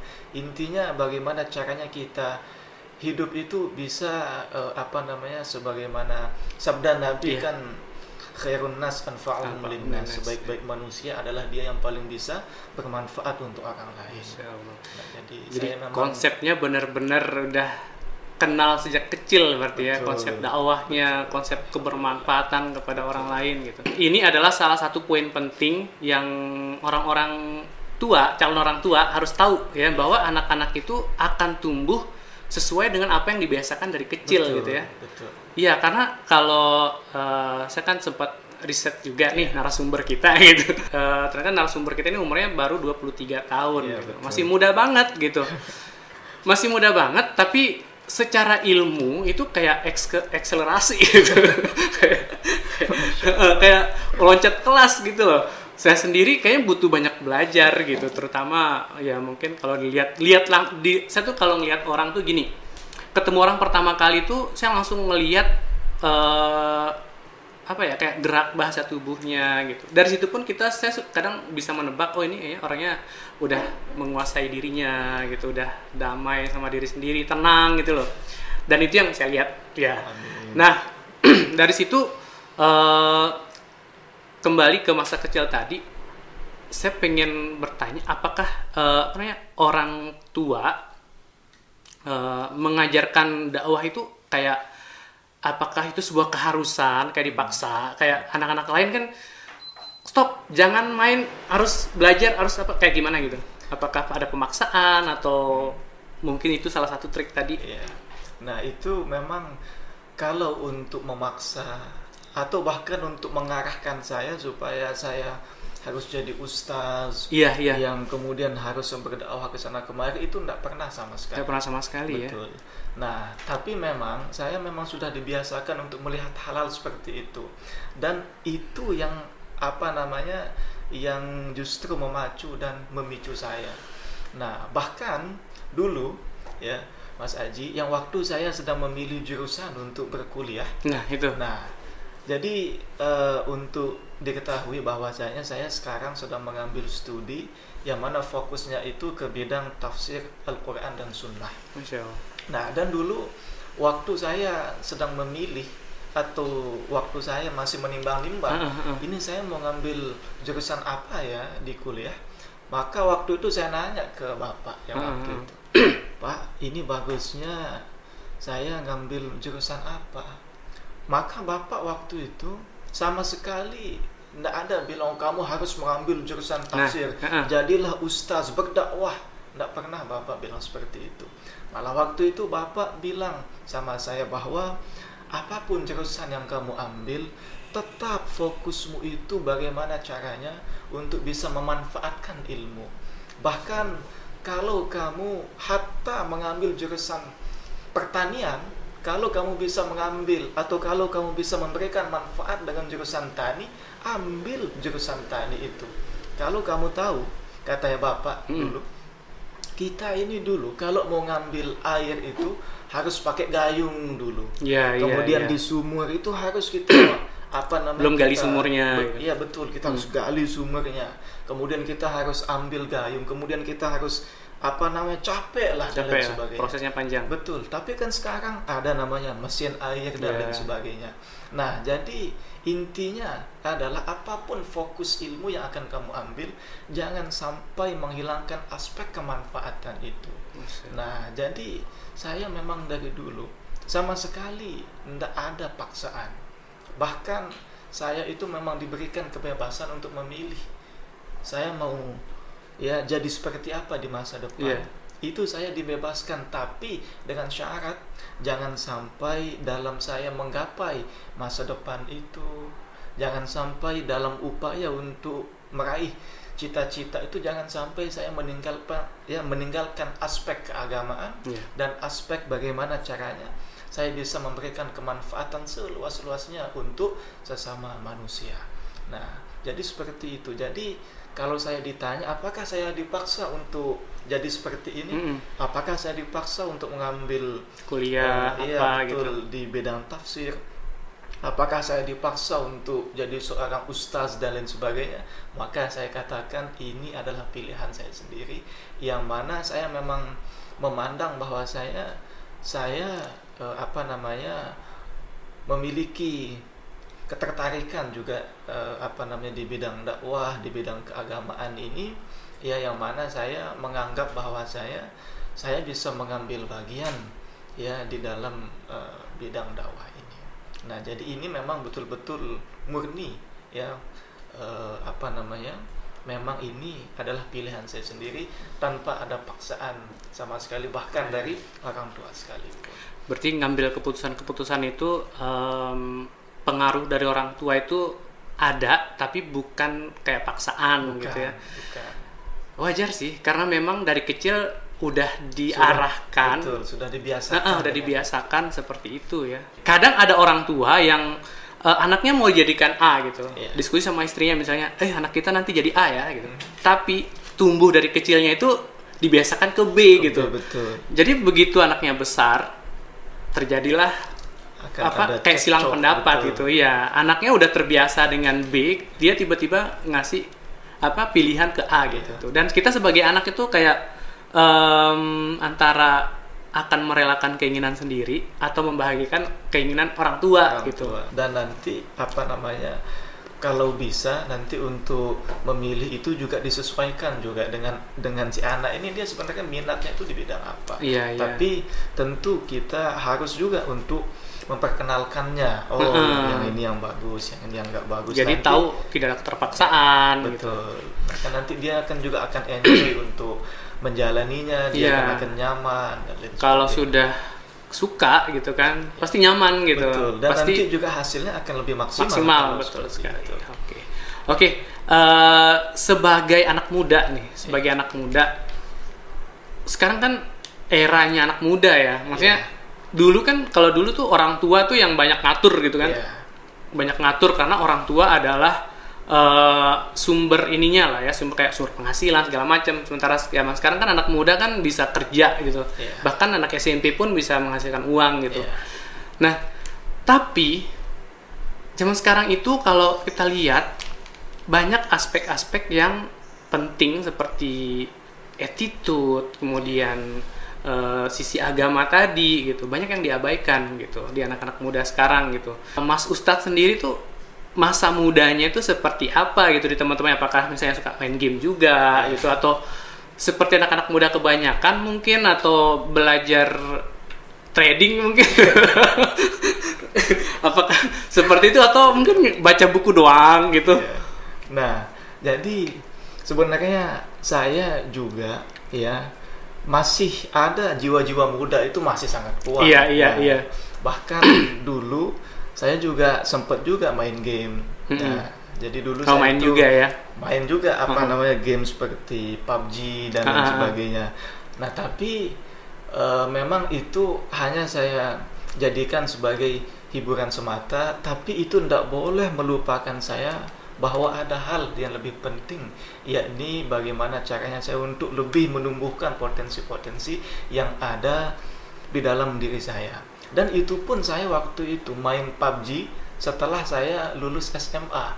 Oh. Nah, dan waktu itu saya kan waktu tamat SMA, saya apa namanya ingin berkuliah di luar negeri. Dan waktu itu saya nggak bisa langsung daftar. Ya, saya harus menunggu ijazah keluar dulu. iya iya Dan untuk menunggu ijazah itu butuh waktu sekitar 8 bulan waktu itu. oh Nah, jadi yang dalam waktu 8 bulan kan teman-teman dulu sudah mulai apa namanya masuk ke kuliah, bahkan ada juga yang sudah mulai sibuk dengan bisnisnya. iya iya Maka silaturahim itu apa namanya semakin jauh apa namanya untuk kita bersilaturahim itu rasanya semakin sulit. iya Maka lama-lama saya menemukan bahwasanya bagaimana caranya supaya kita tetap bisa menyambung tali silaturahim. Maka salah satu caranya ialah dengan kita main game. main game Nah, dan Iya, itu iya. kan kita main gamenya itu bareng-bareng sama Mm, mm, teman-teman di dalam satu tim.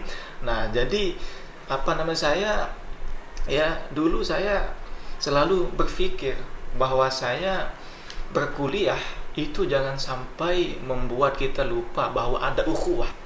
Ukhuwah itu artinya persaudaraan circle gitu yang circle sekarang kita Hmm. itu atau silaturahim kita itu jangan pernah lepas. Nah, jadi sesibuk apa pun kita silaturahim juga harus tetap untuk kita jaga bagaimanapun caranya. Dan yang waktu itu memang cara yang termudah adalah dengan kita main Iya, waktu itu. online ya online Ah. betul. Nah, jadi waktu itu saya juga masih main game waktu itu. Tapi itu pun saya main gamenya pasti tengah malam. Hmm. Soalnya saya itu apa namanya ya waktu malam nih waktu habis isya itu saya memang sibuk untuk mempersiapkan diri untuk memulai satu hal yang baru untuk saya. Iya, iya, yakni iya. untuk saya berkuliah kuliah di luar negeri dengan bahasa yang berbeda berbeda. dan jurusan yang nggak main-main sih Betul. Iya, Nah, iya. Jadi memang waktu itu saya selalu berusaha untuk menyeimbangkan antara bagaimana saya menumbuhkan potensi yang ada dan menyambung tali silaturahim sekaligus untuk sedikit me-refresh gitu Refresh, kan. ya, ya. Selingan Nah, gitu. Betul. Hmm.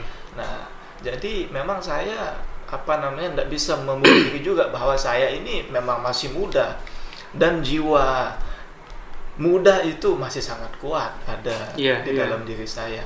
Nah, jadi memang saya selain saya sibuk dengan bidang dakwah yang sekarang ini apakah saya sibuk dengan belajar dan mengajar tapi juga saya tetap menyambung silaturahim apakah itu dengan cara main game ataukah itu dengan cara ngopi dan lain sebagainya. Nah, Nah, apakah ini teman-temannya tuh di circle-nya tuh begini semua gitu atau Enggak. atau atau memang iya kan biasanya kan anak-anak muda sekarang tuh kayak alergi gitu loh sama orang yang mau dakwah atau teman kita yang ah culun nih atau gimana gitu kan. Nah, saya pikir ini circle-nya kayaknya gini semua deh gitu. Oh, Eh, Enggak ya? Enggak. Heeh. yang apa namanya namanya kita berkawan itu kan pasti dengan watak yang bermacam-macam Iya, dan saling menerima berarti. betul dan bahkan juga saya tidak jarang bergaul dengan dalam tanda kutip mantan narapidana Oh, nah iya, iya. jadi saya banyak sekali juga bergaul dengan orang-orang yang memiliki masa lalu yang gelap. Apakah itu dia dulu sempat apa namanya melakukan hal-hal yang negatif dan lain Mhm. sebagainya. Tapi saya selalu berpatokan bahwasanya kita jangan memukul, tapi kita harus merangkul. Merangkul. Nah, jadi seperti itu. Bahkan ada salah seorang yang saya sampai sekarang masih dekat juga dengan dia. Tapi dulu dia ini segala macam narkoba sudah pernah dia coba. Bahkan segala macam hampir segala macam kasus sudah dia lakukan. Ya. Tapi alhamdulillah dia diberikan hidayah oleh Allah Subhanahu wa taala, maka sekarang dia jadi salah satu orang yang selalu bersama saya menemani dakwah saya. Nah, jadi seperti itu. Jadi kalau misalkan saya ditanya apakah semua circle saya Ustaz justru Ah, ah, ah. banyak sekali di circle saya itu mantannya mantan narapidana. Bahkan saya juga sering ditanya oleh teman-teman yang kalau kita lihat dari segi apa yang dia tanyakan itu justru meragukan keadaan Tuhan. Hmm. Nah, jadi hal-hal yang bersifat teologis, hal-hal yang bersifat keagamaan, kadang-kadang dibenturkan dengan sains dan lain sebagainya. iya. Dan bahkan sebenarnya, kalau mau jujur, salah satu di antara alasan saya untuk mengambil jurusan tafsir ini adalah lantaran dulu saya menemukan banyak anak-anak muda yang saking semangatnya untuk berhijrah. Iya. ya. Tapi dia enggan untuk mendalami agama itu dengan dengan baik dan benar. Nah, ini dia. artinya dia itu ya di ketika dia dia membaca Al-Qur'an membaca hadis-hadis Nabi Sallallahu Alaihi Wasallam itu dia fahami secara tekstual. Ya oh kalau kalau katanya begini berarti hukumnya seperti ini. Ah, kayak apa ya? Permukaannya doang Iya gitu. betul. Padahal itu kan harus difahami dengan lebih mendalam. Apakah itu dengan cara kita melihat kepada hadis-hadis yang lain? Iya, iya. Apakah itu dengan kita membaca syarah ataupun ya explanation ya dari para ulama-ulama yang lain? Itu Nah, harus ini menarik nih. Betul. Dan yang waktu itu saya melihat di kolom komentar di Instagram yang waktu itu Mm-mm. banyak orang yang membenturkan antara sains dan agama waktu Iya, itu. kayak agama ini bertolak belakang sama sains Betul, ini gitu. betul. Dan waktu itu, ya, yang saya saksikan itu hanya debat kusir tanpa ilmu. Betul, Bahkan betul, dia betul. juga tidak jarang membawa ayat-ayat Al-Quran, Uh-uh. hadis-hadis Nabi. Ini loh, apa no dalilnya, ini Dalilnya loh buktinya. Padahal dia memahami itu menurut pemahamannya dia sendiri, yang mana itu jauh berbeda dengan apa yang dipahami oleh para ulama waktu itu. Maka saat itu saya ya baca itu, oh, ini sepertinya tidak begini. Tapi di satu sisi saya mau membantah, saya juga tidak punya ilmu yang berhubungan Nah, dengan tafsir, dia. dengan hadis. Maka waktu itu saya berpikir bahwa kalau saya ingin membantahnya, kalau saya ingin, ingin meluruskan sesuatu, tentu saya harus isi juga diri saya dengan ilmu. Sebagaimana yang dikatakan bahwa saya faqidus syai' la yu'tihi katanya. Orang yang tidak memiliki sesuatu, bagaimana mungkin dia akan memberi? Sama benar. Halnya dengan apa namanya ceret atau galon lah gitu. Iya, iya. Kalau galon itu kosong, bagaimana mungkin kita bisa minum Betul. dari galon itu? Tentu kalau kita mau minum dari galon, kita harus isi dulu galon itu, baru Sepakat. dia akan bisa di- dijadikan tempat untuk minum. Maka waktu itu saya juga berpikir, kalau saya ingin memberikan satu pencerahan lah, apa namanya istilahnya, maka tentu saya tidak boleh membiarkan diri saya kosong. Harus saya isi dulu diri saya dengan ilmu yang cukup, maka baru saya bisa menjelaskan ini loh yang benar. Seharusnya apa namanya seperti ini. Nah, jadi itu yang memotivasi saya sebenarnya Untuk mengambil saya jurusan mengambil, ya di di bidang tafsir Al-Qur'an dan juga hadis-hadis Nabi sallallahu alaihi Nah ini jadi harapan besar sih. Maksudnya gini, eh, semua orang kan ingin nih, semua orang Islam nih menurut Iya. saya, menurut saya itu kayak ingin untuk paham gitu loh tentang Al-Quran dan hadis gitu. Cuman, terutama di kalangan anak-anak muda Iya. gitu kan. Cuman tuh permasalahan anak-anak muda itu kayak eh, mereka tuh nggak terlalu suka hal-hal yang kaku gitu loh. Iya. Ya, nah ini kayaknya bisa jadi masukan, bisa di PR gitu buat kita semua gimana caranya menyampaikan uh, tafsir, kemudian Iya. segala macam tuh dengan menyenangkan gitu. Iya. Lewat platform media sosial mungkin Iya. gitu kan dengan desain-desain yang kayak gimana gitu. Bisa di kayak gitu kan ya? Betul, bisa. Iya, benar sekali. Iya. Apalagi kalau yang mempelajari itu makin banyak anak muda Anak gitu. muda. Dan memang juga seharusnya seperti itu. Karena memang apa namanya yang akan memegang estafet dakwah di masa Betul. depan, bahkan yang akan memimpin Indonesia ini di masa depan kan adalah anak-anak muda saat, Saat ini. Bahkan Iya. dikatakan bahwasanya kalau kita mau melihat bahasa kalau kita mau melihat masa depan ya. masa depan di satu bangsa maka lihat anak mudanya Anak mudanya. ini. Nah, jadi kalau anak-anak muda kita Merinding yang saat ini, yang sekarang ini memang betul-betul kita arahkan Iya. bagaimana caranya untuk menumbuhkan potensinya dengan maksimal. Tidak harus dia untuk jadi ustaz. Tidak harus benar. dia bergelut di bidang dakwah. Bahkan sebenarnya apa pun pekerjaannya, kalau memang dia meniatkannya lillahi ta'ala, itu bisa sebagai ladang dakwahnya. Banyak Nah. loh dokter-dokter yang berdakwah, Berdakwah, dengan, iya. dengan apa namanya ilmu biologinya.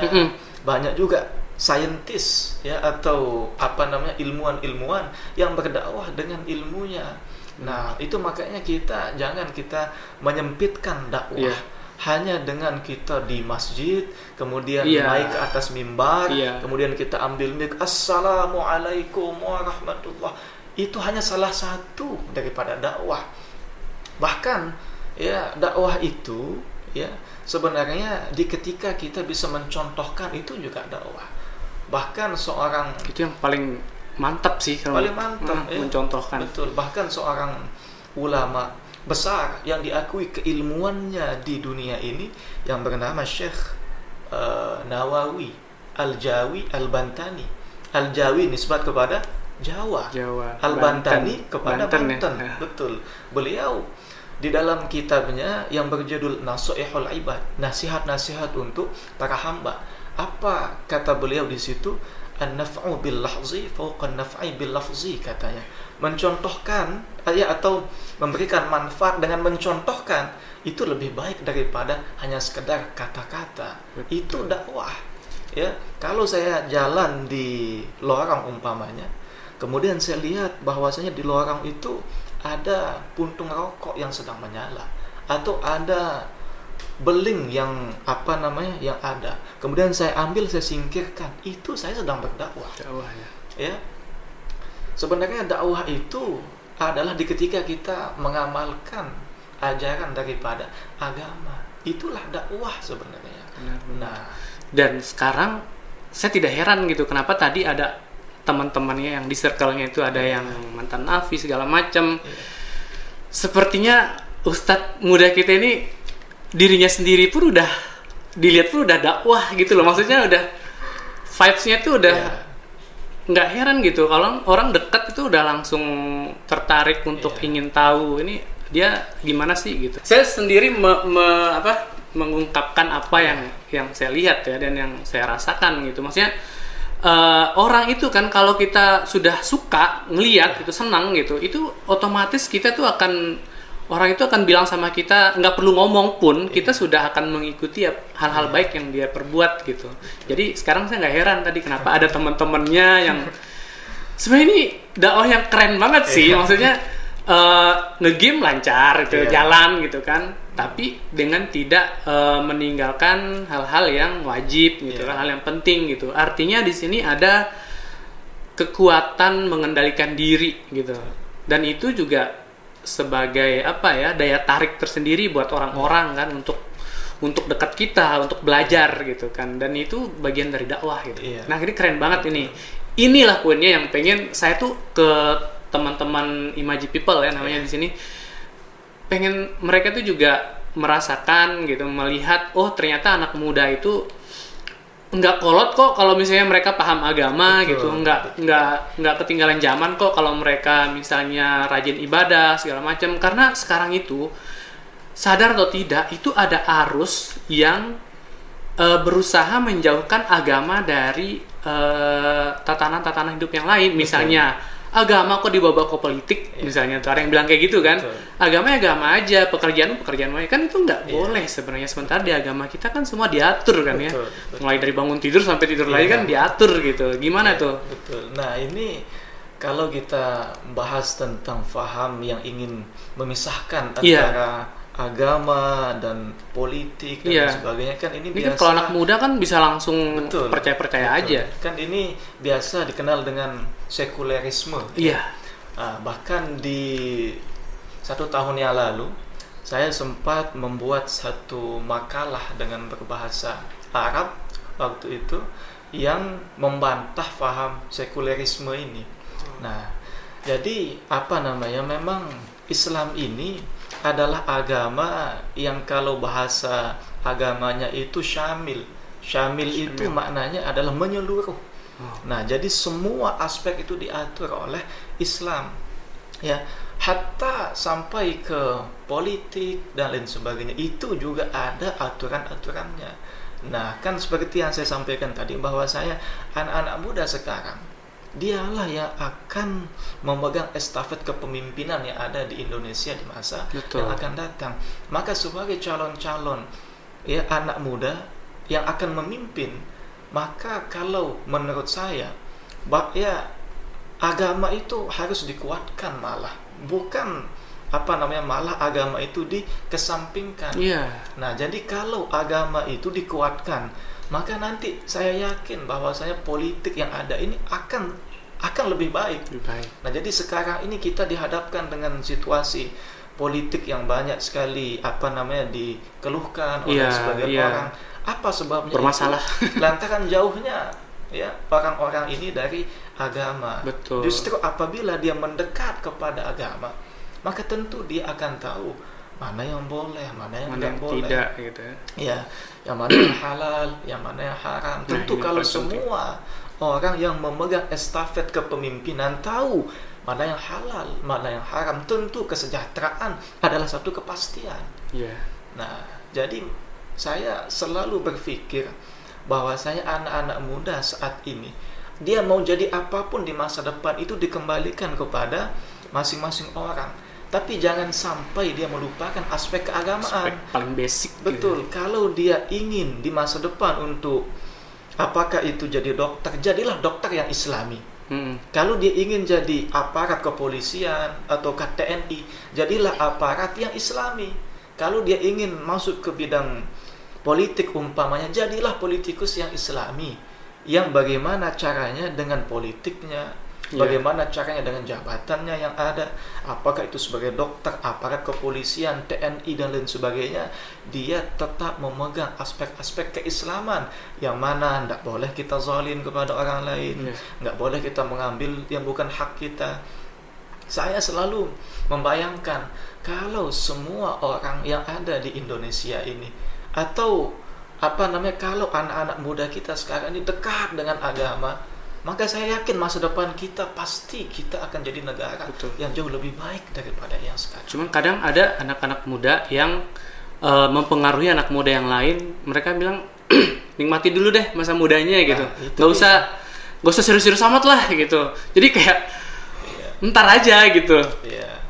Gimana tuh yang kayak gitu? Padahal kan namanya waktu ya kita nggak Iya. pernah tahu kapan akan diambil kayak gitu. Nah, itu makanya sebagaimana yang selalu saya sampaikan bahwa kita harus Hmm. membedakan antara menikmati masa muda dan menghancurkan masa depan kita. Memang banyak sekali anak-anak muda yang bahkan dulu saya juga sempat diajak untuk ke hal-hal yang negatif. Iya iya. Ya ayolah mumpung kita masih muda.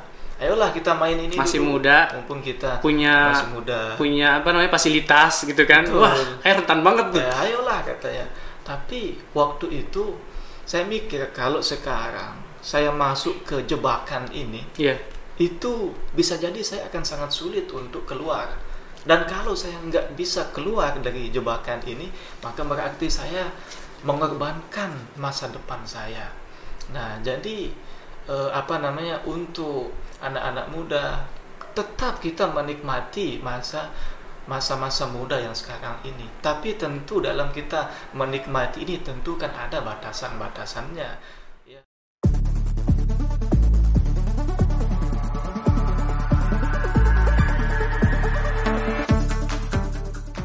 saya sudah dari dulu kepengen buat ngecok maka waktu itu iya, iya, iya. saya cobain colok akhirnya kesetrum ah. oh. ah dakwah itu seperti apa? Kemudian bagaimana kita hidup supaya bisa memberikan kemanfaatan untuk orang lain dengan apa pun caranya.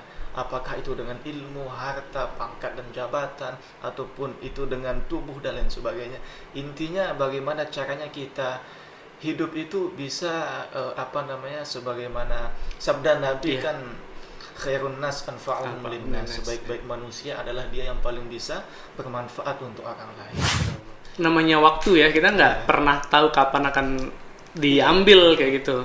Nah, itu makanya sebagaimana yang selalu saya sampaikan bahwa kita harus Hmm. membedakan antara menikmati masa muda dan menghancurkan masa depan kita.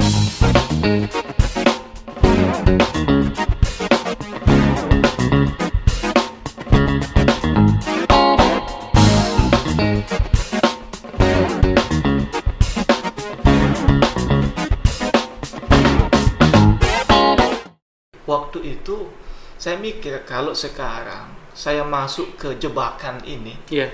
itu bisa jadi saya akan sangat sulit untuk keluar. Dan kalau saya nggak bisa keluar dari jebakan ini, maka berarti saya mengorbankan masa depan saya. Nah, jadi eh, apa namanya untuk anak-anak muda tetap kita menikmati masa masa-masa muda yang sekarang ini. Tapi tentu dalam kita menikmati ini tentu kan ada batasan-batasannya. Ya, nggak ada satu kebebasan yang betul-betul bebas, Bebas, itu iya, nggak iya, ada. iya. Bahkan hak asasi manusia sendiri kan dibatasi Iya, oleh hak asasi orang lain. Orang lain, betul. Nah, jadi seperti itu. Dan juga banyak sekali yang saya apa namanya baca dan dengar sendiri. Loh, kan saya nggak menyakiti orang lain. Iya, kita nggak merugikan orang lain juga Betul. gitu. Kalau Kan saya saya- berbuat dosa, dosa saya sendiri gitu kan. Betul. Kan saya nggak maling, kan Ha-ha. saya juga nggak merugikan orang lain. Betul, dia tidak membuat orang lain merugi, tapi dia merugikan dirinya sendiri. Dirinya Justru sendiri. itu yang lebih berbahaya. Kan kita hidup ini selain kita menghormati hak-hak orang lain, hormati juga hak-hak diri kita. Betul. Diri kita ini juga ya memiliki hak. Bahwasanya kita ini harus memiliki masa depan yang baik ya. Bahwasanya kita harus hidup yang baik. Itu hak daripada diri kita. Jangan sampai kita dengan dalih kita hendak mengambil hak orang lain tapi kita justru menghancurkan hak diri kita sendiri. Nah jadi ya ini kan kita masih muda memang banyak sekali Kalau godaan bahasa godaan. sekarangnya self love gitu ya. Betul, banyak sekali tantangan-tantangan yang ada benar. di di apa di masa sekarang Iya. bahkan di masa depan nanti. Bahkan ya semakin kita memasuki masa depan itu tantangannya akan semakin besar, akan semakin sulit apalagi sekarang kita ini sudah sudah masuk di era digital, Digital. ya, yang mana Kayak jarak tuh udah nggak ada betul, gitu ya. Betul. Makanya sekarang ini se- seolah-olah kita ini sudah enggak berjarak sama sekali. Maka untuk kita bisa bersaing di masa depan itu, kalau kita enggak memiliki skill yang bisa diandalkan, masa ki- maka kita akan sangat-sangat sulit untuk bisa berkembang di masa yang akan datang. Iya. Bahkan mungkin untuk kita bisa bersaing itu akan sangat-sangat sulit Iya. kalau kita tidak memiliki skill ataupun kemampuan yang ada. Dan sekarang ini saat yang terbaik untuk kita melatih ataupun mengasah skill ataupun kemampuan yang ada. Kalau masa sekarang ini kita abaikan, ayolah mumpung kita masih muda. Iya, iya. Maka kapan kita akan melatih skill yang ada? Ha-ha. Kalau kita sudah jadi tua itu sudah sudah game over. Iya. Di satu waktu saya didatangi oleh salah seorang kawan saya. Iya, iya. Nah, yang mana kawan saya ini sudah menjadi atlet sebenarnya. Atlet yang lingkupnya itu bukan lagi daerah, bukan lagi nasional, internasional.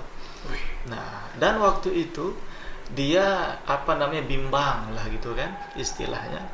Apakah dia akan tetap berada di dunia atletnya ini yang mana gajinya itu sudah dijamin. Iya. Nah, jadi sekian juta dalam waktu satu bulan itu sudah pasti akan dia dapatkan. Tapi di satu sisi dia ini juga mikir kalau saya sibuk hanya di sini-sini saja, saya akan sulit untuk bisa menggapai akhirat saya. Maka waktu itu dia pun ingin uh, lebih fokus ke bidang keagamaan waktu itu. Maka dia dia itu ditelepon waktu itu.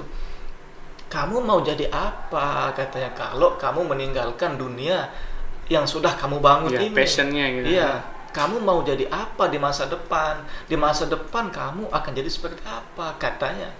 Maka waktu itu saya bilang sama dia ini yang datang ini, coba kamu tanya ke orang yang bilang seperti itu, apa yang dia maksud dengan masa depan? Kalau yang dia maksud dengan masa depan 10 tahun lagi, apakah ada jaminan kamu bisa sampai ke masa depan yang yang 10 tahun itu? Betul. Tapi ada masa depan yang hakiki yang pasti siapa pun akan mencapainya. Apa itu akhirat? Siapa pun pasti akan mencapai masa depan itu. Nah, jadi untuk apa kita mengorbankan masa depan yang pasti akan kita rasakan untuk masa depan yang belum tentu akan kita rasakan? Benar, benar. Nah, kita jadi- nyampe apa enggak kita nggak tahu gitu. Nah, jadi sekarang umpamanya saya saya siapkan tabungan umpamanya sampai sekian miliar untuk 20 tahun lagi.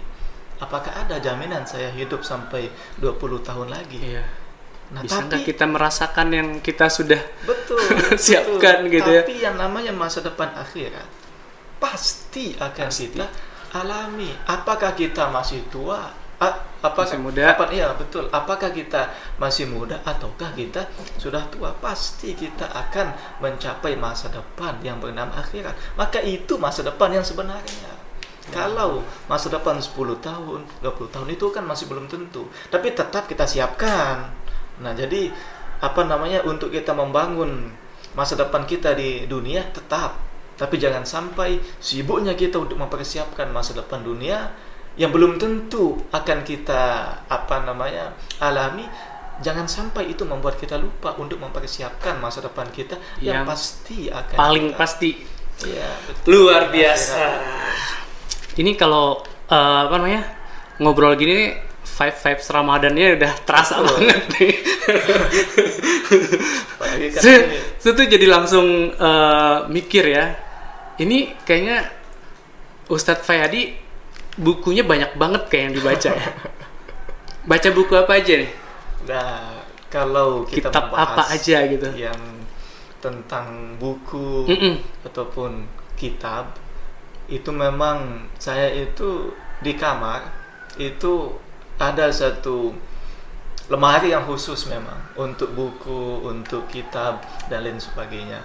Nah, dan memang saya itu kalau sekarang lebih fokus untuk mengkaji kitab-kitab dari para ulama yang berbahasa Arab. Dan itu memang betul-betul yang dari dasar. Berarti menguasai huruf Arab gundul berarti ya? Alhamdulillah. Masya Alhamdulillah. Allah. Dan apa namanya? eh, memang saya itu kalau sekarang memang berusaha untuk ya mengkaji sesuatu itu memang dari akarnya sampai ke pucuknya. Nah jadi saya nggak mau tiba-tiba saya baca yang pucuknya tanpa saya tahu yang akarnya. Nah jadi saya itu memang eh, fokus untuk mengkaji yang mulai dari paling dasar. Iya. Apakah itu dari mulai eh, bahasanya dulu, ya bahasa Arab dan lain sebagainya. Yang mana terus masuk ke kitab-kitab yang yang tipis dulu, Hmm, kemudian hmm, baru hmm. ke yang lebih tebal dan lain sebagainya. Dan di ketika saya mengkaji kitab-kitab yang seperti itu, ya di saat itulah saya sadar bahwa dunia ini ataupun ilmu itu sangat-sangat luas. Ya, ilmu itu sangat-sangat luas.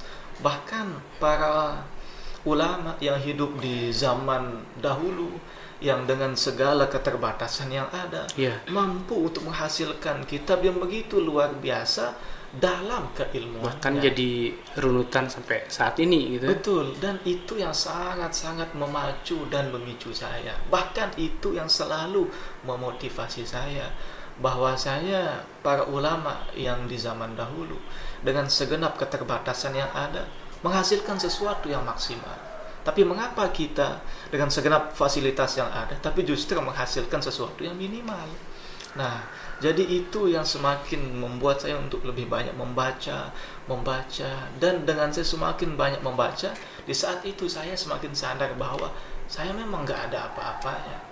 banyak sekali di ketika saya sedang membaca saya mengatakan masya Allah kok bisa? Yang para ulama dengan untuk berpindah dari satu tempat ke tempat lain itu hanya berjalan kaki. Untung-untung kalau ada unta ataupun kuda Iya, iya. itu masih sangat-sangat untung Dan jalannya panas banget. betul Iya. dan itu belum dia panas Iya. belum dingin belum dia menghadapi ada ada apa namanya begal Gangguan, ya. gangguan dan lain sebagainya tapi itu apa namanya sama sekali tidak mematahkan semangat dan lain sebagainya. Nah Justru hal-hal malah seperti itu- membangkitkan semangat ya. betul. Nah jadi hal-hal seperti itu yang lebih Artinya membuka wawasan. artinya eh, apa yang kita miliki, maksudnya fasilitas, keadaan segala macam itu juga bisa me- menjadi salah satu faktor ya ya yang bikin kayak gini. eh, orang tuh menjadi kreatif karena kiri kemudian aktif gitu kan. Jadi kreatif gitu. Iya, iya. Jadi harus harus bergerak ibaratnya kayak ini keadaan harus dirubah gitu, Iya. harus diubah gitu. Nah, begitu mungkin yang terjadi pada eh, selain mencintai ilmu pengetahuan ya Iya. di ulama-ulama pada zaman dahulu gitu. Iya. Nah, sementara eh, di anak-anak muda zaman sekarang kan fasilitas lengkap, ya fasilitas pribadi nggak usah deh diomongin, fasilitas umum aja itu udah banyak banget kan di masjid-masjid juga udah banyak banget kitab-kitab disediain segala macam gitu. Bahkan ada masjid yang menyediakan wifi gitu kan. Iya. Nah ini berat banget gitu untuk me- apa ya kayak menyentil anak-anak muda kita nih. Ini kamu fasilitasmu udah bagus banget gitu loh, tapi malah nggak bisa dipakai untuk menghasilkan suatu karya itu loh. betul Ini kan berarti kayak ada semacam apa ya keadaan yang nyaman itu malah bikin kita tuh nggak nggak bisa berkembang gitu loh. Iya. Kan ada yang begitu kan ada orang yang eh, mungkin di rumahnya tuh fasilitas lengkap segala macam, tapi dia memilih untuk eh, pergi ke tempat meninggalkan semua itu, maksudnya nyari zona meninggalkan zona nyamannya gitu, baru bisa menghasilkan karya gitu. Sementara di eh, kalau kita lihat ya, makanya aku tuh mikir kok bisa sih ada yang begini gitu. kalau ada kalau ada sekelompok orang kan enak banget nih dunia gitu kan. Fasilitas lengkap gitu kan. Em, circle udah bagus gitu kan. Maksudnya circle oke keluarga, kemudian segala macem gitu. Gimana caranya bisa em, mau gitu loh, mau untuk ini kan mak- maksudnya mau keluar dari zona nyamannya gitu. Maksudnya belajar hal yang buat orang lain itu ini hal yang udah membosankan mungkin buat anak-anak muda sekarang. Udah jarang banget orang yang mau belajar gitu. Iya. ini motivasi paling paling dalam itu apa gitu loh. Kenapa nggak eh, milih jadi selebgram aja deh gitu. Jadi artis aja deh gitu kan. Semua mendukung nih soalnya nih mendukung banget gitu apa sih motivasinya gitu sehingga lebih memilih ke keadaan yang sekarang gitu di tengah fasilitas dan semua yang seharusnya tuh bisa tinggal ongkang-ongkang gitu tinggal menikmati gitu loh Betul. Nah, jadi memang saya itu apa namanya selalu berpikir ya bahwa saya fasilitas ini hanya alat. Dia bisa baik kalau kita memang gunakan itu dengan baik. Tapi sebaliknya dia itu bisa menjadi senjata yang akan membunuh kita kalau kita tidak manfaatkan dia dengan baik. Umpamanya di media-media sosial. Ya sosmed ini ya sama halnya dengan pisau. Pisau itu akan baik kalau berada di tangan chef Iya. ataupun koki. Tapi dia akan jadi senjata yang mematikan apabila kita berikan ke tangan orang yang tidak tepat. Betul. Nah, jadi memang ini ya semua tergantung dengan bagaimana caranya kita untuk berpikir. Ya, atau bagaimana kita menanamkan mindset yang ada. Bahwasanya boleh kita untuk bermain, boleh kita untuk menikmati kopi di kafe, ya boleh kita untuk nongkrong dan lain sebagainya, ya itu boleh. Tapi jangan sampai itu sekali lagi membuat kita lupa bahwasanya ada hal yang lebih penting lagi untuk diperjuangkan. Nah, jadi sedikit saya bercerita ya. Ya di antara hal yang selalu membuat saya termotivasi itu adalah sebenarnya bagaimana melihat warga dan juga masyarakat yang ada di kota Mataram secara umumnya dan yang ada di kampung saya secara khususnya. Jadi dulu Mas Haji, sebelum saya berangkat ke Malaysia waktu itu untuk apa namanya studi di sana, saya itu eh, sekitar Hamin dua sebelum saya berangkat itu eh, di salah satu kajiannya bapak di masjid, saya itu dipanggil secara khusus untuk berdiri di hadapan jamaah. Oh. Nah, jadi saya itu berdiri di hadapan jamaah, kemudian bapak yang waktu itu bilang, "Eh, sekalian jamaah, ini anak saya akan berangkat ke Malaysia untuk eh, studi S1-nya, mohon untuk didoakan, mohon untuk apa namanya diberikan eh, semangat, motivasi dan lain sebagainya. Nah, jadi seolah-olah itu menancap di dalam alam bawah sadar saya bahwa berangkatnya saya untuk menuntut ilmu bukan untuk diri saya sendiri, tapi ada masyarakat yang menunggu saya. Nah, jadi itu ya yang sangat-sangat saya pegang. Bahkan saat saya berada di Malaysia waktu itu, ya, jadi asrama saya di Malaysia itu di depannya ada lapangan futsal. Di belakangnya ada lapangan basket. Di sebelah kanannya ada lapangan voli. Jadi segala macam fasilitas di kampus itu ada. Bahkan hampir setiap hari saya diajak, ayo kita main basket. Ayo kita main futsal. Ayo kita main voli. Tapi saya mikir waktu itu, kalau saya datang ke sini untuk bermain, apa yang akan saya berikan untuk masyarakat yang sudah menaruh harapan besar di saya? Maka berangkatnya saya ke Malaysia itu seolah-olah di pundak saya ini ada Ada tanggung ada jawab. tanggung jawab yang besar sekali bahwasanya di ketika saya pulang kalau saya hanya begini-begini saja saya akan mengecewakan banyak orang. Orang tua saya akan kecewa. Masyarakat pun pasti akan kecewa. Oh dulu saya saya sudah support dia saya sudah Iya, doakan. iya. tapi mana hasilnya? Bahkan dulu Mas Haji sebelum saya berangkat ke Malaysia itu warga itu masya Allah ya ada yang kasih saya baju. Bahkan ada yang buatkan saya makanan yang bisa dibawa itu Iya, kan iya. ada abon Iya, kemudian Masya Allah. masya Allah itu ada kacang-kacangan yang bisa saya bawa dan Serundeng. betul dan datang ini semoga bisa sedikit untuk membantu Iya, dan iya. sebagainya itu yang semakin menguatkan saya Masya bahwa makanya yang waktu itu sampai-sampai untuk menguatkan saya jadi di atas meja belajar saya itu saya tulis ya di sana itu bahwa saya jita taliban walasta la'iban saya tulis. Wahai Fayadi kamu datang ke sini untuk belajar bukan untuk bermain-main. Itu itu yang, yang saya tulis. Jadi setiap saya apa namanya ada rasa udahlah janganlah belajar main-main. Saya baca itu lagi jita taliban walasta la'iban. Wahai Fayadi kamu datang ke sini untuk belajar bukan untuk main-main kalau mau main-main jangan datang ke sini kalau mau main futsal di Mataram banyak Banyak, ya. betul kalau mau main basket di lapangan Pak, apa di Mataram banyak lapangan kamu datang ke sini untuk belajar bukan untuk Belajar dan membawa tanggung jawab yang Betul, banyak gitu, yang betul. besar gitu. betul jadi itu yang Luar biasa.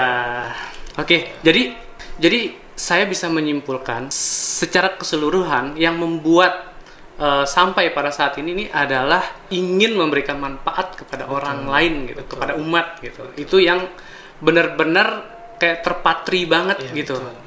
Dan itu berawal dari kebiasaan-kebiasaan waktu kecil Betul. yang sering ikut dakwah, sering ikut ke mana-mana.